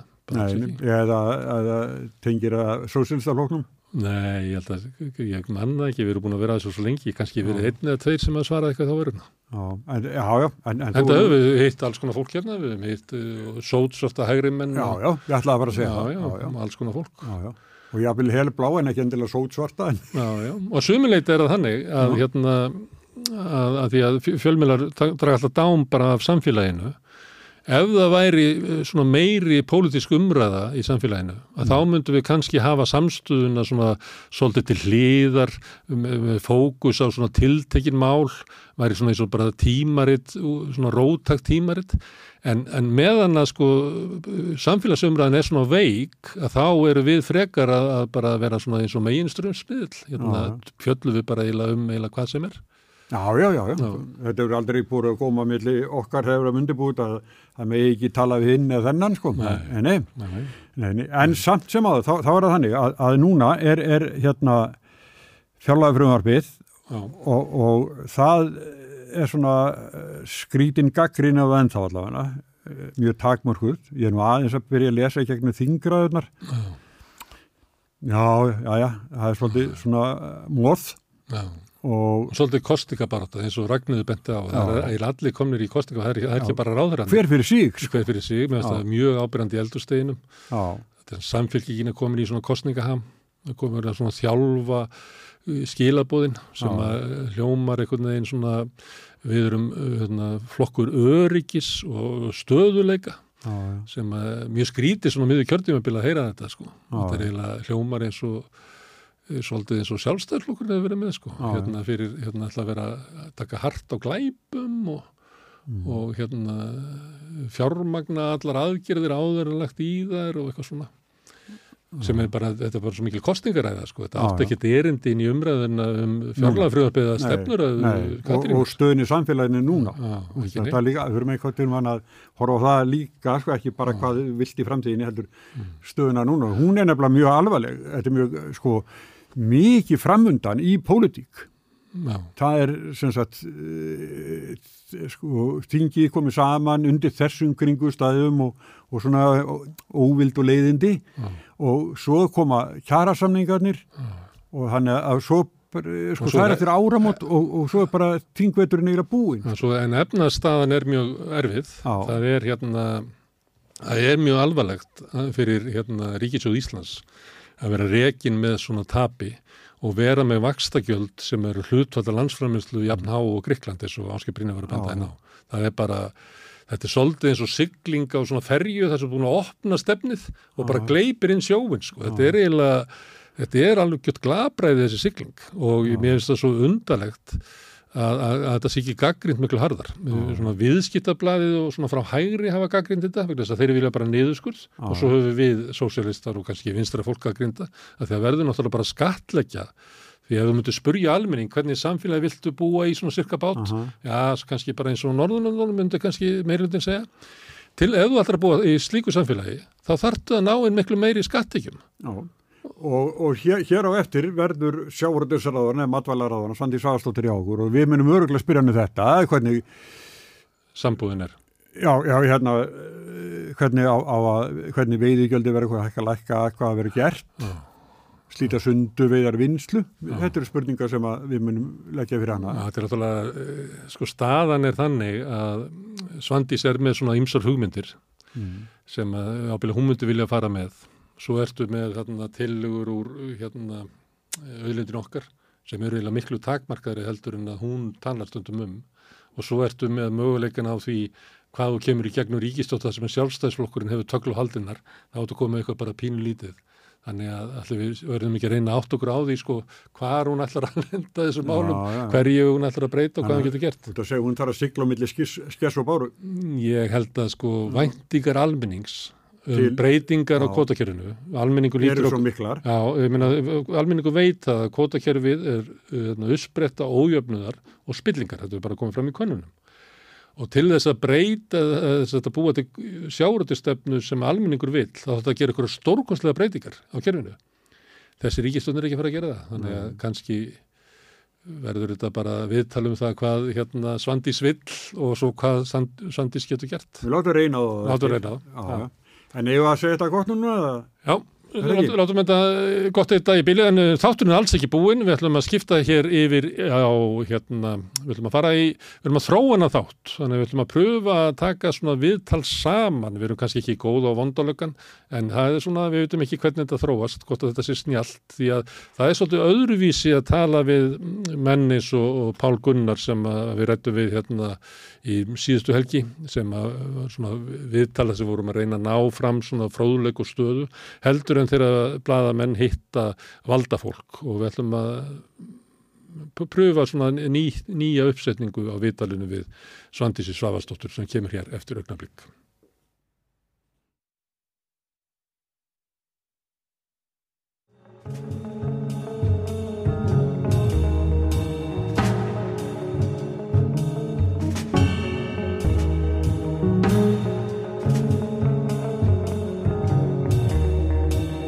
Já, ágætu áhörvendur og áhlustundur. Það var komið að síðasta lið þáttarins. Það er, við svona leikum okkur okkar á milli bræður að kalla þetta yfirislu, en við sýtum hérna báður með þér, Svandi Svæðastóttir. Vertu velkomin. Takk. Matvælaráðura og þar á meðal sjárundisráðura og þú ert að endur skoða kótakerfið eitthvað, eh, breyta lögum um stjórnfískveða.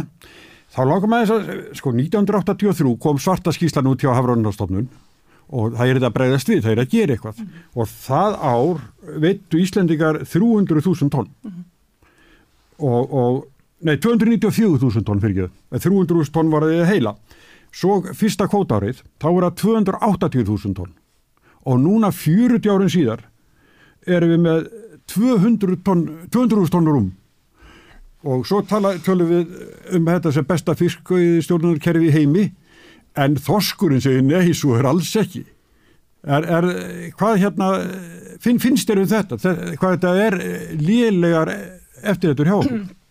Sko eins og þú bendir á þá 1983 kom sannlega út þessi svarta skísla og þá voru við komin á bara mjög alvarlegan stað í því að uh, í raun og veru ofveiða Já. að ganga allt og mikið á öðlindina um þá var svo búið um hnúta að við værum í raun og veru að uh, með rannsóknum að taka ákvörðinu um það hversu mikið mætti veiða til þess að venda stofnin. Já, já. Og byggjan upp. Og byggjan upp. Mm.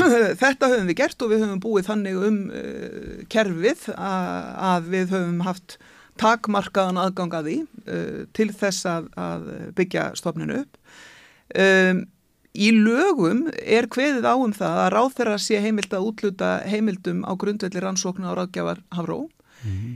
Ég myndi ekki uh, mæla með því að því er þið breytt þar að segja að við byggjum þetta á bestu vísindarlegu rökum á, á hverjum tíma. Mm -hmm. En markmið hefur ekki náðust, þannig hefur ekki byggst upp. Við, já, það, það við, já, við höfum náttúrulega ekki samanbyrðin sko, við vitum ekki hvað hefði gerst ef við hefðum ekki byggt á, á vísindarlegum rannsóknum Þarna erum við að tala um uh, þorskinn og, og margir hafa bent á það að, að það sé uh, ástæða til þess að ætla að það sé meira til skiptana og það sé að gera þetta öruðsi og svo framvegis. Ég hef staðið mjög ákveðið með því uh, þó að það séu mörg álitamáli í þessu kerfi að við byggjum uh, fiskauðstjórnakerfið á vísundum og ég hef ekki uh, mætt því í stórum stíl að fólk haldi öðru fram og sem betur fyrir erum við átt okkur betur og betur á því í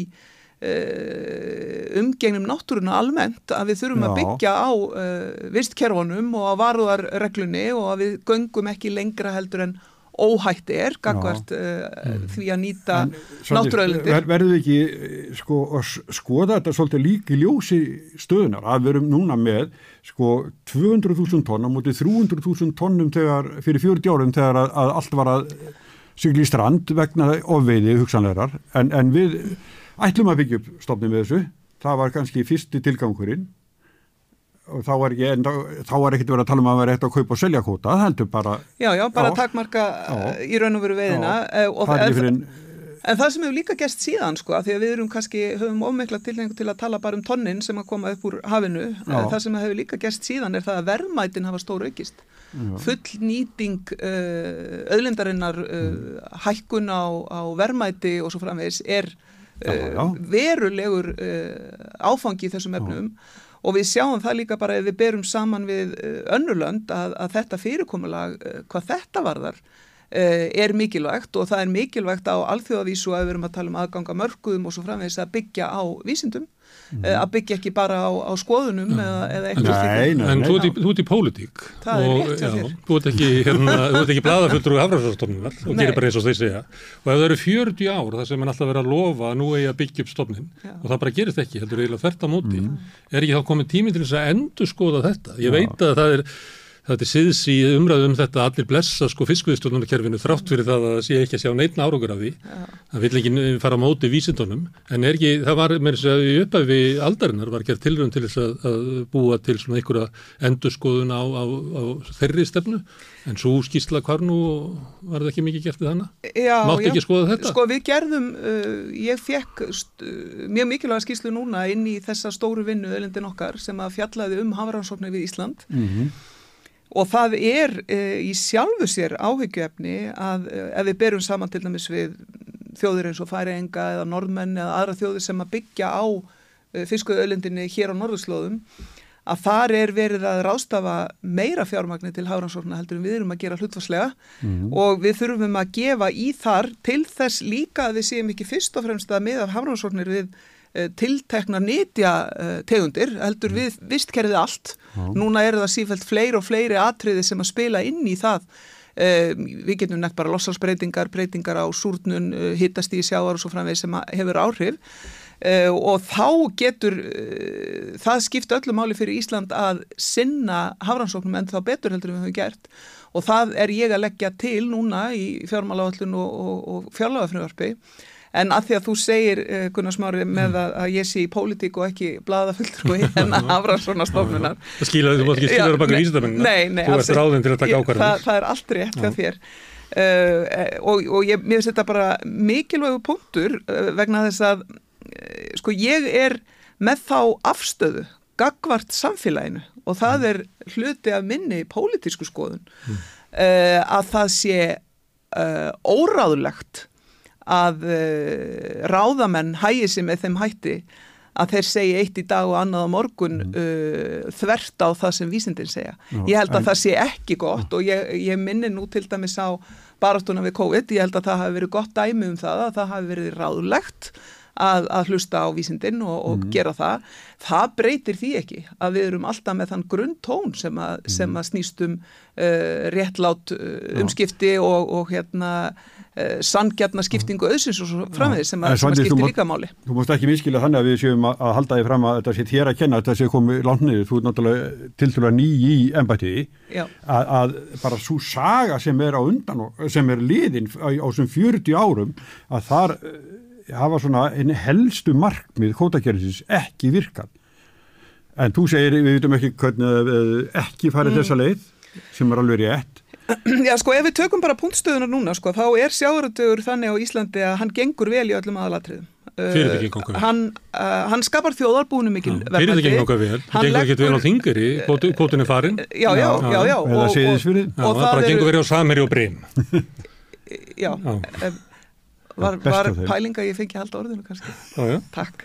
Uh, sko hann leggur meira til uh, samfélagsins heldur sjáarútuður í Örlöndum uh, mm. og í heiminum og það er kröftun ísköpun í tækni og aukinu fullvinslu afurðar sem að er að gerast um allt samfélag. Hins vegar er það alveg rétt sem að hér kemur fram og, og það er það sem að ég legg til sem kannski stærstu breytinguna á kerfinu hjá okkur að það er aukið gagsægi Það er að segja að stór bæta gagsa í sjávarútvegi þannig að það sé ljóst hvaða aðilar í raun fara með yfiráð vegna að það er mikilvægt líka að færa viðskipti með aflaheimildir upp á yfirborðin með skráningu í ofinbæra grunna sem eru síkvikir og lifandi og við getum alltaf séð uh, hvernig eru í raun og veru og þannig munum við skapa skilirði fyrir opnari atvinnugrein. Mm -hmm. Við komumst ekkert hjá því að fyrirtæki taki ákvarðanir á viðskiptalegum grunni Þa, það mun verða þannig mm. uh, en við erum með til hlýðar við það sem kallaður stóra kerfið í, í sjáurútu, erum við með byggðakerfi sem eru svona pottar og ímiskonar útlutunar uh, ráðstafanir mm. sem að hefur gengið misvel og, og hefur sko mm. alls ekkit endilega strandveður reyta því í almennu byggakóti, sértæku byggakóti línu ívilnun, regjóskjálpætur eða hvað þetta nú allt saman heitir aðstafur og áskorunar hafa breyst og þetta hefur ekkit endilega þjóna sínum upphælu markmiðum þar að segja tryggja byggðafestu. Mm. af því að það var það sem var lagt upp með að þetta yrði til þess að halda lífi í byggðum landsins og framvegs, svo gengur þetta kaupum og sölum og endar kannski allt saman eftir sem áður hjá þessum stóru aðilum. Og. Og, og þannig, að, þannig að þetta er eitthvað sem við þurfum að skoða og eins og þið bendið á hér, ég menna við getum talað um Holmavík hérna bara fyrir nokkur um vikum, við getum já, talað um Seyðisfjörð bara í síðustu viku. Já, og, og ég menna þetta eru ákvarðanir sem eru teknar, mm.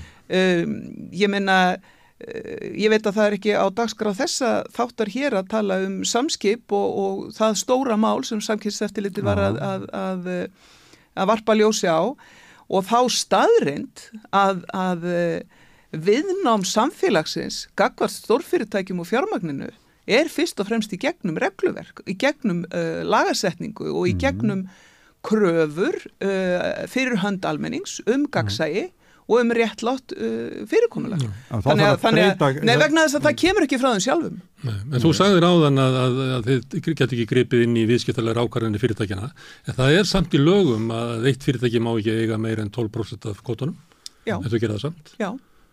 Og ekki bara eitt sko, heldur tvö. Já, það, og sé ekki orðið bara tvær samsteipur sem eiga nálagt sko 50%. En það er það sem ég er að segja, að Já. það þarf að stórbæta þetta gagsægi, vegna þess að eins og fyrirkomulega er núna, þá er mm. und að fara ímsar krókaleðir uh, í kerfinu.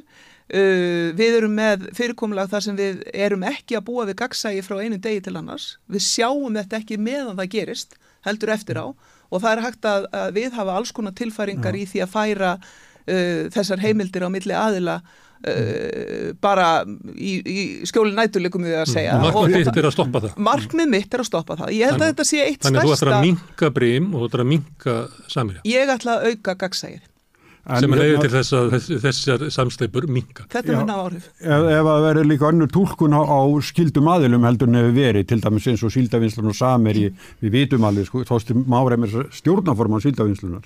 Já, já. Er, en, en sko... Uh, sko þannig, líka bara hans að já. segja það að, að sko fyrirkomlagi hefur verið þannig að það hafa gilt sérstakar reglur um sjáurútu hvað var það þessi mál. Mm. Önnur uh, aðra reglur heldur en gildir uh, um, um samkeppni á öðru markaði. Já, en er þetta og, náttúrulega úr samveikt þjóðurinnar eða... Já, já, en, en það sé á við er það að ég held að sé mikilvægt að við gerum sambarilega kröfur Já. þarna uh, eins og í, við, við aðra samþjöppun uh, á markaði uh, um sínileika og gassæði og það er það sem ég mun gera ég mun auðvitað bara gera til auðvitað þingsins og svo kemur í ljóskvæðin því reyðir af. Áður fyrir var það þannig að sveitafélag hafði forköpsrætt að því sem svo þegar að gull verið var selt og bara nýlegt dæmi til, til sílavinslunar að þá hafði sveitafélagin áður forköpsrætt að ganga inn í sölu. Mm -hmm það er einhvern veginn kvarf uh, svo en, en uh, við, við erum að tala um hólmavík segis við erum bara höldum á fram mm -hmm. að er, er þá ekki aðtúandi að, að setja það upp aftur að þeir sem fyrir eru hafi möguleika á til að verja byggðin í sínu sveitafélagi. Sko það sem að við höfum verið að hugsa núna í þessum efnum og, og ég mun leggja til að verði gerð tilrun með er það að 1% eh, af heimildunum, þar sem að núna er hluti af almennabyggðakvotanum, verði eh, í raun og veru bóðin upp til takmarkast tíma og það sem fæst fyrir þær heimildir renni með tilteknum reglum uh, með byggðastofnun til viðkomandi sveitafélaga. Og, já, og þetta, er sem, þetta er það sem við gætum kallað innviðaleið, þar að segja það er þá ekki heimildirnar sem eru í skúfunni hjá ráðherranum, sko, sem að mhm. er að mínumati úrelt nálgun, ég er með sko bara 50 tonn hér og 100 tonn þar í skúfunni hjá mér í, í stærsta Excel-skjali sem ég hef á, á æfuminni séð mm. að þarna værum við að tala um að, að verðmætin sem slík myndur skila sér þannig að sveitafélagin getur líka veld upp öðrum möguleikum til þess að byggja upp uh, sína aðtunumvegi eða, eða byggðir eða hvernig það væri. Og byggðarstofnun hefur mikinn áhuga á þessari nálgun líka og ég held að mm. það geti verið spennandi. En ég menna að þetta er bara skref. Og þetta er bara úr byggðarkvotunum, þetta er ekki úr almenna kerfinu. Sko eins og það lítur út núna, þá, mm. þá er það þannig. En ég er að, er að smíða frumarpið Þannig að ef þetta gengir vel þá kemur þið greina að færa þetta yfir á almenna kerfið. Bjóðu þar. ég, Mér finnst það koma, mér finnst þetta allt koma til álita en við þurfum að stíga þessi skref og ég er að freysta þess í þessari vinnu að reyna að ná eins uh, breyðri nálgun á það, uh, sko ég er ekki í þessu til þess að láta bara mína drauma rætast sem að væri náttúrulega geggjað, uh, heldur að reyna að nýka þessu í áttina til réttlátara, sangjarnara og kerfi sem að meiri sátturum ég er hins vegar á þeim stað akkurat núna, ég held að séu allir frekar ósáttir sko Já. Uh, þannig að það, það geti nú Já, bara það- verið ágætti skilabóðum það að maður sé á rétti leið vegna þess að allir eru bara að hugsa um sína hagsmunni Mm. uh, ég er í þessu til að hugsa um almanhagsmunni til að hugsa um heldina og hugsa um samfélagið Mm. uh, og ég tek það mjög alvarlega ég heyri að stórútgerðin er óhress Mm. Ég heyri að, að millistóra útgerðin er óhress ég heyri að smábátasjómin er óhress heldur betur þeir já, já, Það er bara og gengur út úr nefndinni þinni, Eh, já, hérna, strandvið menn og smábátamenn reyndar eftir að var búið að skýslunni fiskveiðarnar. en, en allt í lagi, já, já, þeir gerir Já. það, það er, já. en það er þá úti, nú verður það úti strandveðarnar og, og, og til þess kótið fyrir brot þetta byggðir fiskheimildir sem hafa verið þar? Nei, nei, það verður áfram inni, sko, það er það sem Og- að kallaður, kallaður sérstakur byggkoti, já, strandveðarnar, það er gert tillaga um það að strandveðarnar haldist inni, uh, mér finnst, Skárra ko- væri þar. mér finnst, mér finnst koma til álita að uh, auka við þær heimildir, Já. Uh, en mér finnst líka komið til álita, uh, sko ekki það við ætlum að fara að eyða hérna öllum þættinum í að tala um strandveðar, en, en það er samt mikilvægt uh, að þá finnst mér koma til álita að endur skoða hvað þarf til þess að geta fengið slíkar heimildir uh, vegna þess að það er orðið þannig núna að verulegur hluti þeirra sem að stunda strandveðar eru í uh, störfum annar staðar Já. og þetta er bara svona hluti af einhvers konar svona Af Nei, ég er ekki að tala um þann hluta. Ég er að tala um það, þann hluta sem er bara að- vinna árstörfi í Reykjavík eða eitthvað slíkt og, já, og, og sem að fer síðan út og, og, og tekur í raun og veru til sín skerf af heildinni. Já, það er, það er svona umræða sem ég Já. heirt bara úr hópi stranduðumanna sjálfra því þeir segja það er ólíkt uh, með, eftir hópum. Hvort að fólk uh, í raun og veru sé að þessu fyrst og fremst til þess að byggja upp sína ákomu Mhm. eða fyrst og fremst til þess að, að sinna áhugamáli. Það skiptir máli, svo hefur verið á það bent að það sé ekki nælegt eftirlit með því hvort einhverju séu með fleirin eitt bát og, og fleirin tvo og séu jafnvel að, að Mhm. með eitthvað leigu fyrirkomulega og svo framvis. Því að sko vandin er sá að þá, þá skiptast þessi 10.000 tonn sem hafa verið undanferna ár. Þeir skiptast þá bara fleiri og þá fá þeir sem að eru sannanlega í þessu uh, af líf og sál og eru, eru trillukallar og kettlingar og gömli gerðinni uh, fá minna í sinn hlut. Þannig að mér finnst það vera kannski partur af því að hugsa þetta uh, en með því að endur skoða þennan hluta byggða kerfin uh, þá kann að skapast sveirum til þess að gera betur fyrir, fyrir stranduðar. Má ég fara í hinnendan á stóru fyrirtækin? Já. Er það vandamál hvaða eru fá stór fyrirtæki sem að eru valdamikil í sjáurtvegi? Lítur á þessi vanda í sjálfum sér? Já, sko, ég held að það sé kjarni málsins á Íslandi uh, þegar ég fór svona að hugsa þetta, sko, hver er, hver er uh, ástæðan, megin ástæðan fyrir því að það er ósætti og það er vantraust í samfélaginu gagvart sjáratvegi, af því að það er þannig. Og ég er búin að fara og láta gera uh, sko, könnun á því og, og sem er búið að skipta eftir kynni og aldrei og búsett og öllu þessu. Uh, ástæðan er í grundvallaratriðin svo að hvort sem að það er með réttið eða röngu, þá upplifir þjóðin í fyrsta lagi það séu ofáir sem urðu ofríkir á ofstuttum tíma Já. á kostnað samfélagsins. Þannig að þetta, það, sko, hvað getum við gert í því? Já, það sem ég er að gera, að fara í þessa, að auka gagsægið, mm. Stórútgerðin segir þetta sem miskilningur á þjóðinni. Já, já, það veit ég. Stórútgerðin verður náttúrulega að, að standa með sjálfur sér og, Já. og hérna, en ég hef trú á því og, og það er nú bara alveg einlega sagt og kannski ekki að því ég er stjórnmálumæður heldur frekar að því ég er, hef alveg uppdaldið að bönnum sko. Ég held að stórútgerðin hefði nú bara gott af því að vera með stjórnvöldum í liði í því að, að auka gagsa í greinni uh, og að horfast í augu við það að það er hennar hlutverk að auka tröst á sjávarútvegi gagvart samfélaginu en ekki bara samfélagsins að gera það. En eitt er ógagsægi og annað er stærðin en, en svo er það þriðja það að, að þessar stæðstu keðjurnar eiga alla virðiskeðjuna alveg frá skipinu í gegnum sko vinsluna, í gegnum sölufyrirtækið og svo annað sölufyrirtækið stundum og annað og þannig þau eru eiginlega ráða hvar þeir taka hagnaðin út og drotna yfir þessu og þetta er náttúrulega myndi líklega ekki líðast í neittni sko samkemnisgrein uh, þeir eiginlega stjórna verðinu stjórna launum sjómanna, stjórna hvað er Hafnagjöldum. borgað í hafnagjöldunum, stjórna hvað er borgað ykkur í, í skatta. Kemur ekki til greina að, að kljúa þessar keðjur, hvað er að segja, langsum með þessum? Er ekki eins og normingirum? Já, ég meina þetta er bara hluti af þessu sem við erum að leggja til. Þannig það kemur grein að það er skor markað. Sko, ég mæli með skýslunni, öðlindin okkar, verulega skemmtileg lesning og þar er þessi kapli sem að fjalla sérstaklega umgagsægi sem að er verulega góður og, og ég held að, að eh, muni skiptamáli og þarna og sko fyrirtæki sem að til að mynda hafa bara verið með vinslu í landi en ekki með veiðar benda sérstaklega á þetta sem að þú ert að tala um hér mm. uh, að ef að þú ert með í raun og veru alla línuna að þá sé uh, ég segi ekki hægur vandi en þá sé að ákveðinir möguleikar ef svo má orðið komast ah. til þess að, að, að hliðra hlutunum til Og við höfum grunum að svo hafi verið gert. Já, marg, margiðin og sjómanna félag til dæmis velstjórnir hafa verið að benda á hvaða verð er selt úr íslensku bát til íslenska vinslu og síðan hérna úr... Norskum. Já, já. Já, ég menna þetta er stórkoslega mikilvægt kjaramál fyrir sjómenn vegna þess að þeir eru náttúrulega bara beintengtir við, við uh, þennan hluta veiði hluta. Þeir finnst sko þeirra landi sömu höfn sko Íslandi já. og þá fá þeir kannski triðjungi læra held, heldur en norski bátur sem er landa á hliðinaðum sko. Emitt, í, söm, í sömu sko til sama fyrirtækis. Já. Þetta er eitthvað sem að, herri, við verðum að fara við, við verðum sammálu um þetta. Við verðum sammálu um þetta, þetta, þetta, þetta hér, hér er að tala til tíðindag.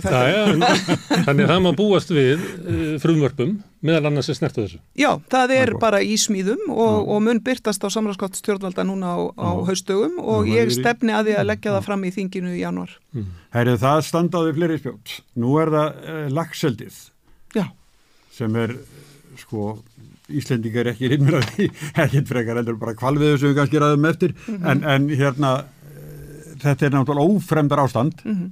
og sva, svar þessa norska fórstjóra þarna sem var viðtalið í sjónarpinu mm -hmm. var einskísvrið þegar það var eitthvað snorka í, í ánum sko. Það er ég getur flótið að hafa út ég veit ekki. Nei, þetta er eitthvað svona bara brandar sem kemur inn í þetta gravalvala mál. Og, og þá er þetta hvað, sko hvað þurfa fyrirtæki raunverulega að brjóta sér til að hérna bara að sæta ykkur viðilugum eða bara þurfa að loka, þurfa að mhm. hætta Já, já. Sko þegar ég kem að í ráðunetinu þá eh, setti ég í gang, sko þá, þá fannst mér ástæða til og ég náttúrulega er búin að fylgjast með þessum málum síðan að ég byrjaði í pólitík þá fannst mér ástæða til þess að nema staðar og, og segja, heyrðu við þurfum að fara í uh, heildarstefnumótun og horfa Aha. í það bara hvað ætlar Ísland að gera þessum efnum vegna þess að þetta er búið að vera mjög uh, tilvílinakent mm. uppbygging sem hefur gengið miklu hraðar en regluverkið og miklu mm. hraðar en nokkurt eftirlit og auk þess sem að stóri rekstraðilar og hagsmunæðilar hafa séð hagsin í því að byggja upp reksturinn á Íslandi Aha. en ekki annar staðar vegna þess hversu lítið og einfalt regluverkið væri hér. Og ódýrt að fá leiði. Akkurat. Og það eru fluttur úr landi, einmitt, og á sama tíma þá, þá uh, fór Ríkisendurskoðun líka okkar beini af stað með það að segja bara býtu hvernig er þetta eiginlega virka og við fengum pantaða svarta skíslu uh, þar sem að við, niðurstaðan var í rauninu voru svo að, að uh, eftirlits uh, já, regluverkið utanumhaldi væri bara langt frá því að vera í lægi og síðan lögðum við grunn að eh, heildstæri stefnumótun til framtíðar.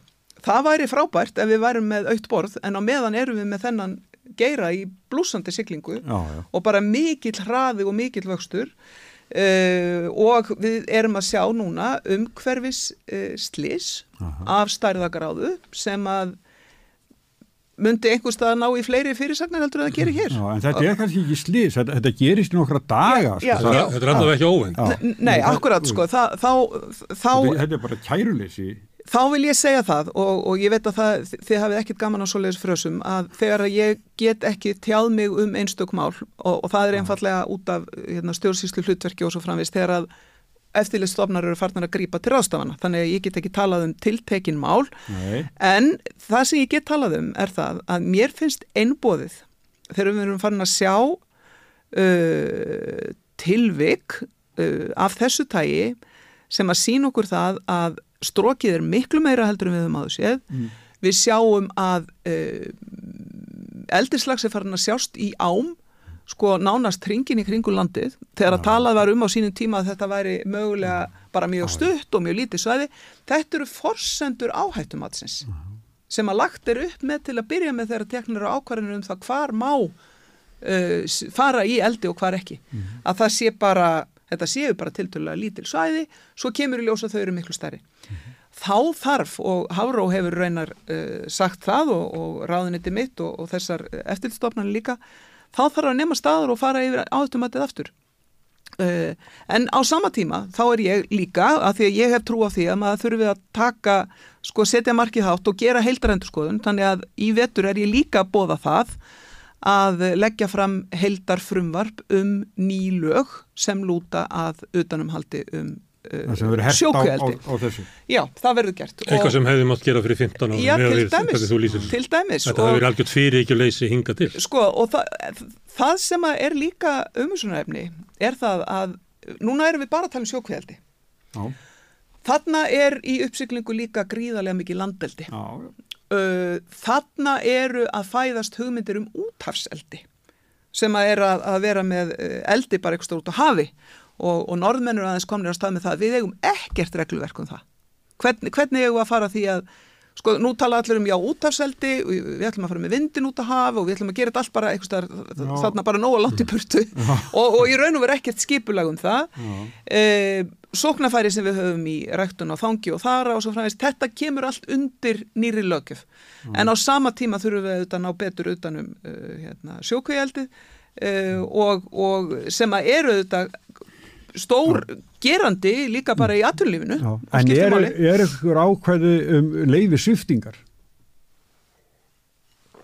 Já, það er náttúrulega alltaf uh, svoleiðis í, í hérna þegar að gef, gefin út leifi fyrir ákvæðinni starfsemi að, að þegar að uh, svo fer að, að skilirðin eru brotinn að þá getur komið til viðlega. Svo gerir þetta líka stundum að skilirðin eru hert og, og fyrirtæki fá ekki leifi í næstu umgangi eins og getur orðið tilfelli með kval. Þarna bara skellur þau yfir í kvalin. Já, já. Þetta er svolítið svipað að, að, og það sem var, spurningin var það að, að stundum er það þannig að fyrirtæki kemst upp með eitthvað og stjórnum því erfileiku með að herða að þeim mm -hmm. og það verður einhvern veginn komin hefð á þetta og þau fá að, en þú ert eiginlega bóða það að niðurstaðan í Í lagseldinu getur það þannig að, að reglurnar eru bara hardari og mm. næst er að, að viðkomandi sækjur leifi þá þarf að vera búin að laga sitt. Já, sko, það er ákveður það sem er að gerast með hvað. Já, sko, að, aðeins fyrst, svo ég klárið um fiskaldið, sko, að grundvallaratrið, rétt eins og í sjáurútvegi, uh, verður að vera í fiskaldi. Við verðum alltaf að byrja á umhverjunu, verðum alltaf að byrja á náttúrunni. Vegna þess að ef við erum með rekstur, alveg sama hvort að það eru veiðar á þorski eða hvort að það er uh, lagseldi mm, í fjörðum, eða hvað það er ef að, ef að það er ekki, gerir ekki ráð fyrir því að náttúrun sé skila almenlega tilbaka eftir að þeirri starfsemi líkur uh -huh. að þá er það ágeng starfsemi sem ekki stennst skoðun. Og það er, -huh. er grundvallaratrið því annars getur við ekki haldið áfram hérna, starfsemi af þessu tægi mm. en að því að þú fóst yfir í vilt að ég byrja að tala um hval? Já. Uh, þá, allt með sporði. Ha, allt, með sporði. allt með sporði í dag. Þannig að það er, er enga sögkindur í dag. Uh, ég getur verið. Uh, sko þá er það þannig að eh, leiðið sem að núna er í gildi er gefið út 2019 mm. og það er forverið minn í ennbætti sem að gefur það út og það rennur út núna um næstu áramót. Um, ég set reglugerð fyrir síðasta sumar sem að snýstu um það að á þeirri vertíð sé fylst með uh, veiðinni algjörlega uh, sumarsinnleið bara. Sumarsinnleið, 22 á, 22, 22 fyrir ári. Á, á. vegna þess að það höfum við ekki séð áður. Mm. það er að segja við værum með almennilega ídarlega úttækt á því hvað mm. þarna væri að ferðinni. Mm. uh, ég laði áherslu á það að þetta er því sínilegt og þetta er því gagsætt og fólk myndi sjá nákvæmlega hvað þarna væri að gerast þannig að við gætum byggt uh, umræðuna og uh, ákvarðanir á staðrendum Ég læði þarna áherslu á það að við værum ekki bara að tala um hefðbundin uh, sjónamið sem að lúta að nýtingu, heldur líka sjónamið sem lúta að dýravelferð.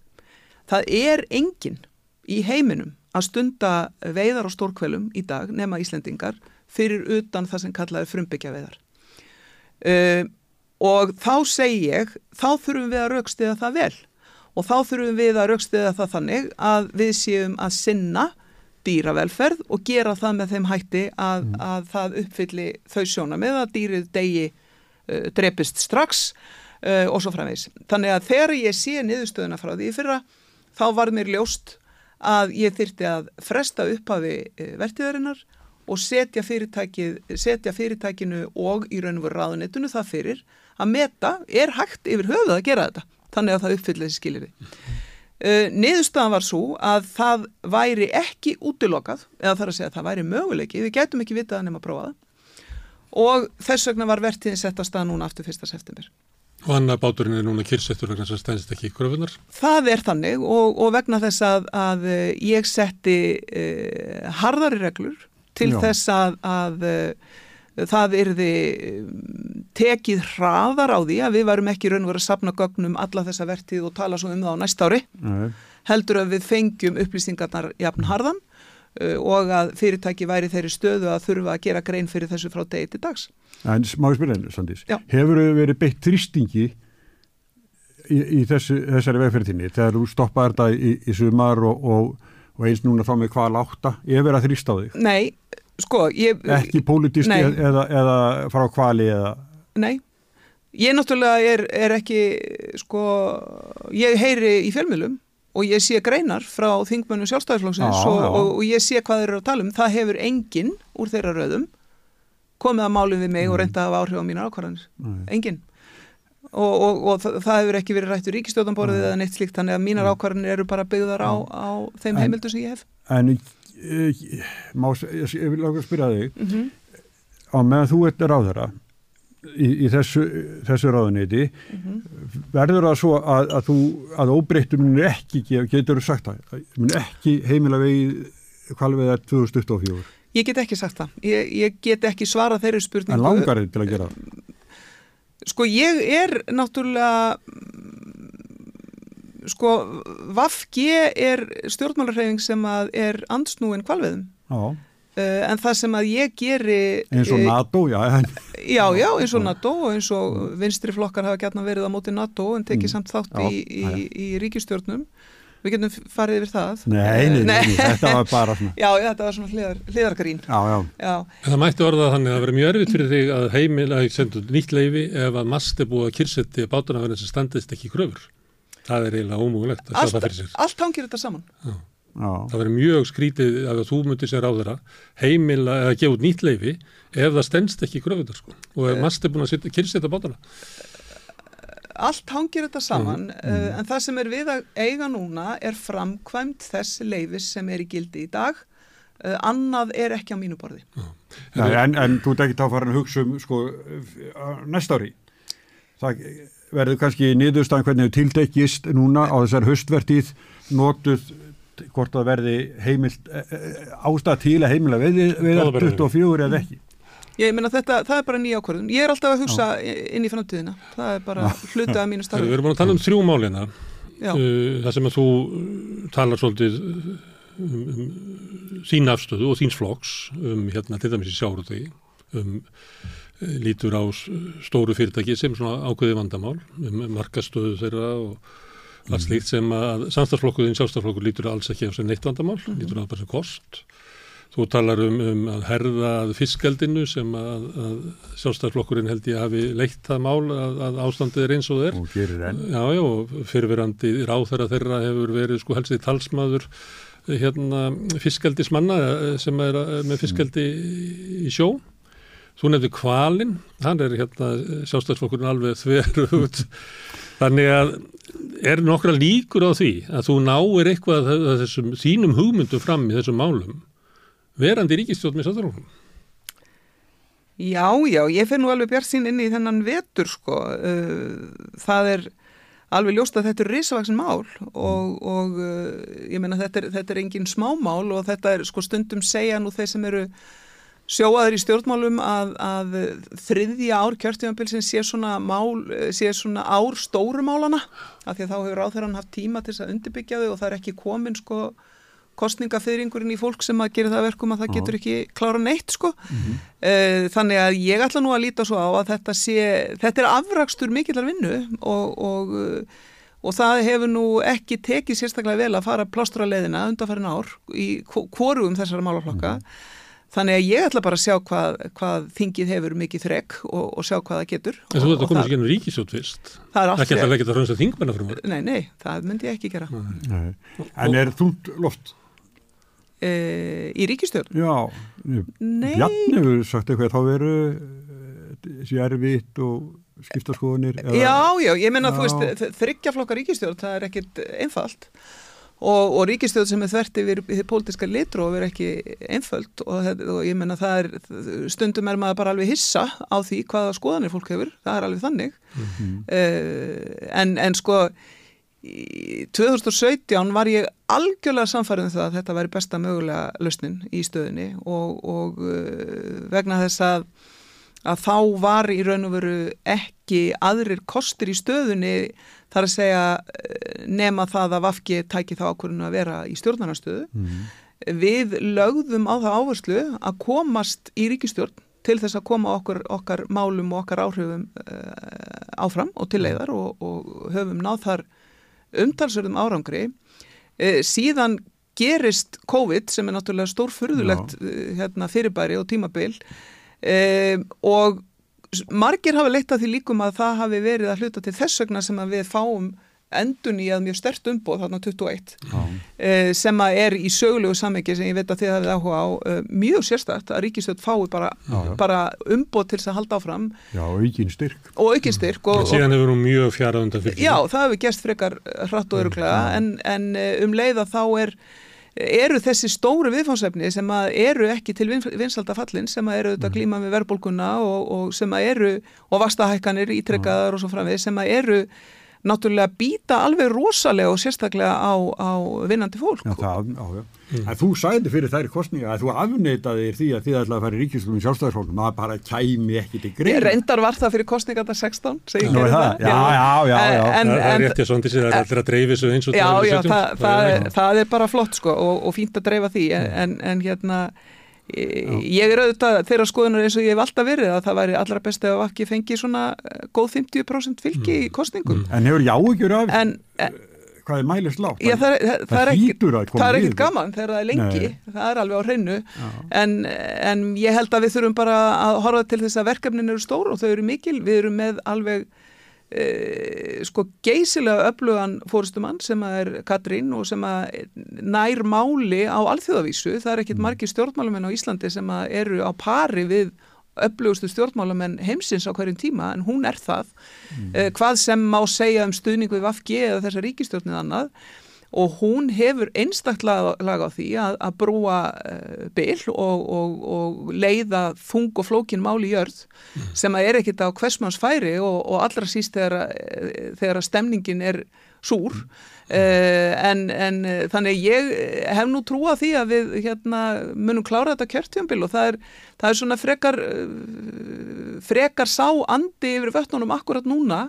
En Já. við erum auðvitað að fara inn í hérna, Já, þungan og krefandi þingvetur. það er alveg rétt. Það er ekki nákvæmur dag fyrir dag. En að því að sem alþjóðlega samanbyrð þá var það líka engin leiðtógi í ríkistjónar í okkar einsluta sem kemur úr flokkim sem nýtur jafn lítils fylgis í skoðanakonunum Þannig að það er nú kannski að við út að tala svona samanbörðu Já, já Það var eiginlega engi sem stendur í að nýtla á heimavelli. Og minnst í stjórnarfokkurinn Já, já, það, það, það, það er náttúrulega bara alveg stór brotið að við skulum vera með hérna, vinstri eh, konu já, sem leiðir eh, svona breyða ríkistjórn og, og er að gera það núna á sjötta ár Það gerir það heldur engin annar. Svo við fannum nú aftur í alþjóðlega samanbörð Það er tölum um kótan í upphafi og það er um, hérna, mikill vilji til breytinga á kótakerfunu á almenningi, almenning almenningur hefur ekki trú á þessu kerfi, hann er bara ansnúið kvotakerfinu, lítur á það sem uppbrunna uh, það, uh, hérna, óréttlætis, ójöfnaðar og það er spilt uh, kannanir sem að hafa verið gerðar á, á þínu vegum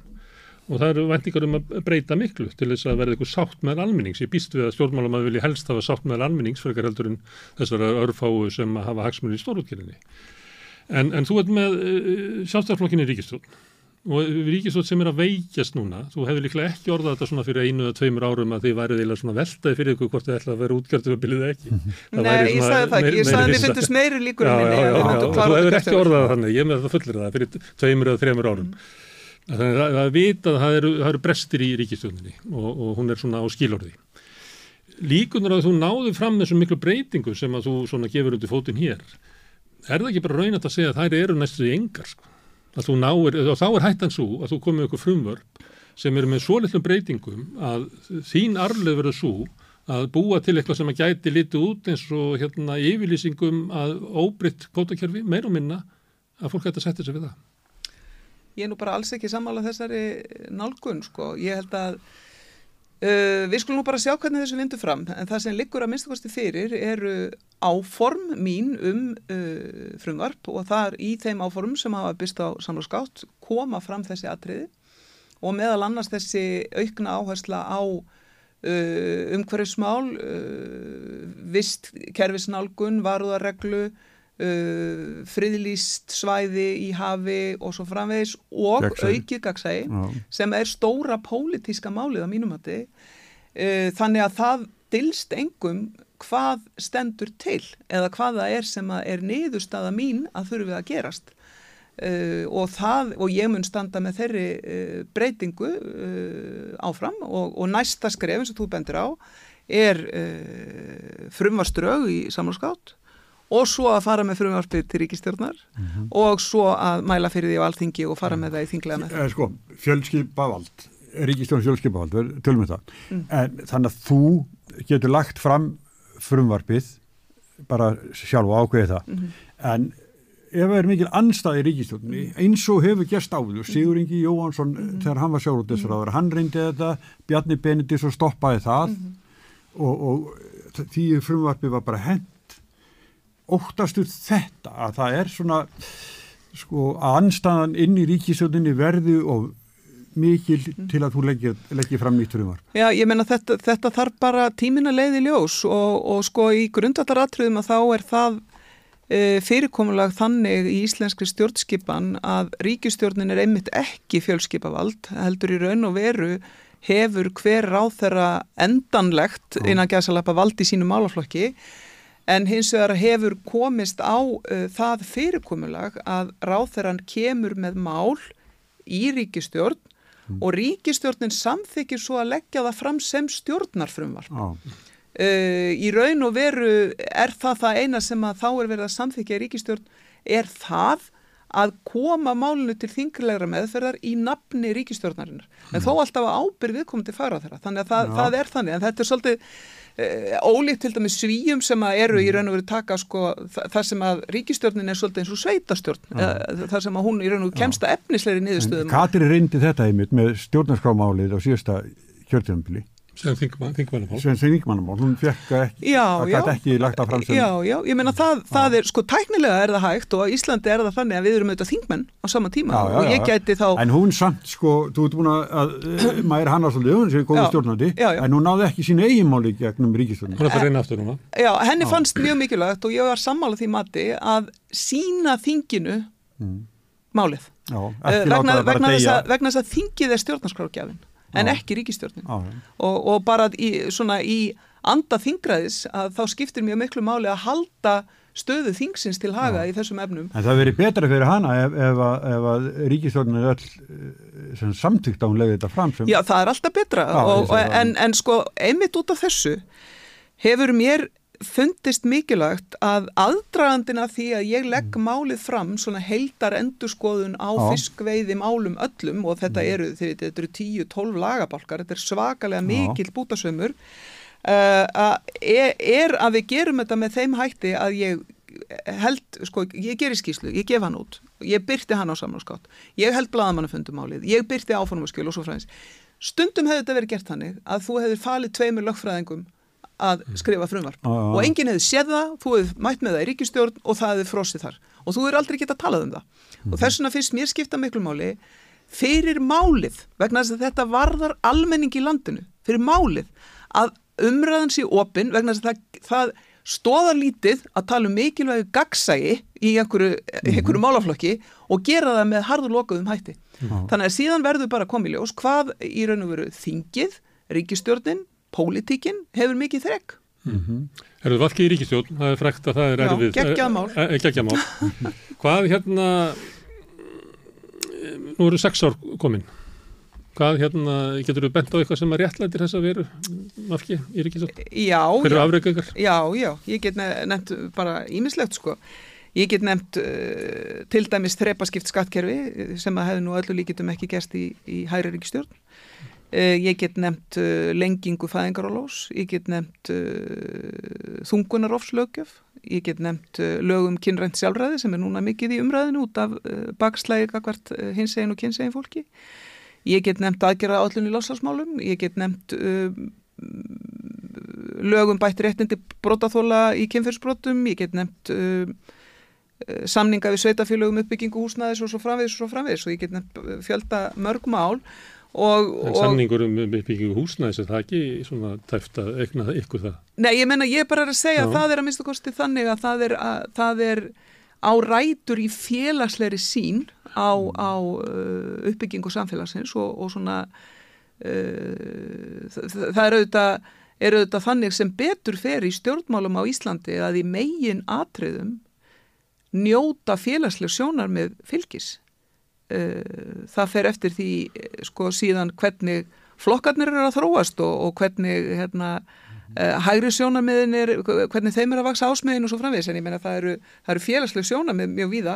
En já, ég er algjörlega þeirra skoðunar að, að hérna, Vafki hafi eh, sko eigi mjög mikið einandi í ríkistjórn mm -hmm. og við höfum líka sínt það, við erum, við erum sko, stjórnmálarhefing sem að tökum tökumst á við svona stóru línuðnar, ég menna ég var í umhverfisraðanitinu og, og þar voru sett fyrstu laugin um losslagsmál, uh, ég lagði grunnað heldarendurskoðun um náttúruvendalög uh, á sínu tíma, um, heilbriðistefna var til í fyrsta skipti í minni tíði heilbriðisraðanitinu Uh, og ímislegt þýjulíkt sem ég finnst alltaf að skipta miklu mm. máli að sko það, það er náttúrulega einfaldast að gera bara ekkert sko Það er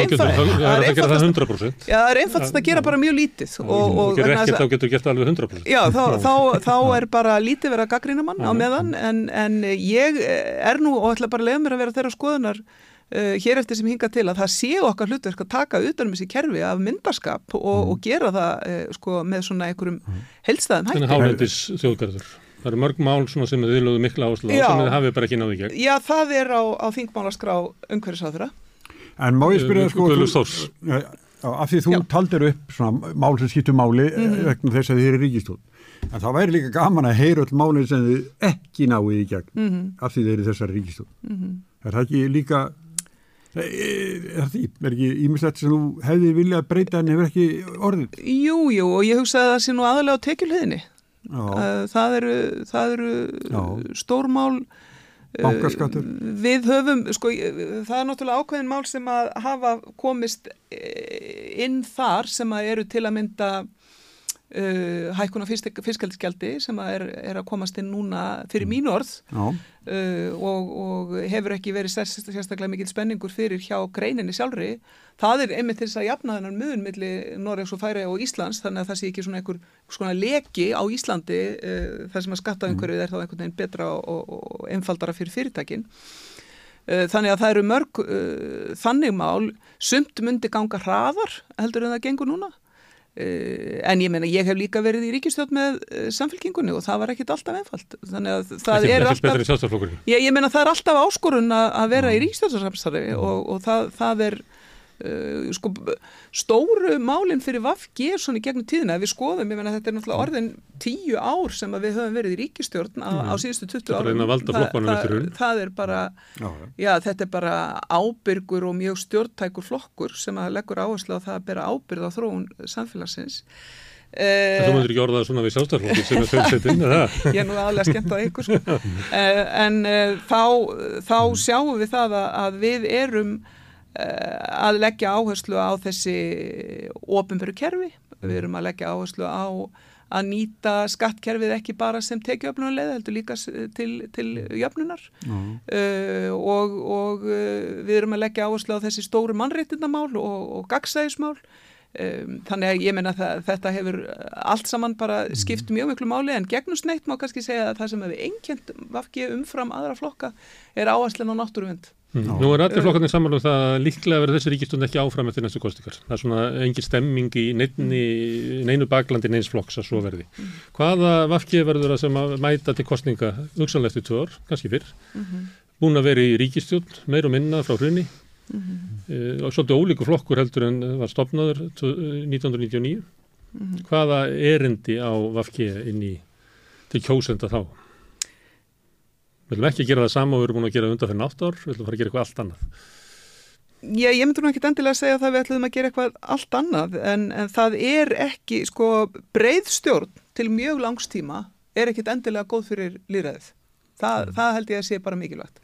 Uh, þetta er tímabundir ástöðun og, og það hlýtur alltaf að vera það. Þannig ég held að það sé holdt og gott að, að hérna, hrista upp í þessu þegar, þegar að, að loknu þessu kjörtímanbili mm -hmm.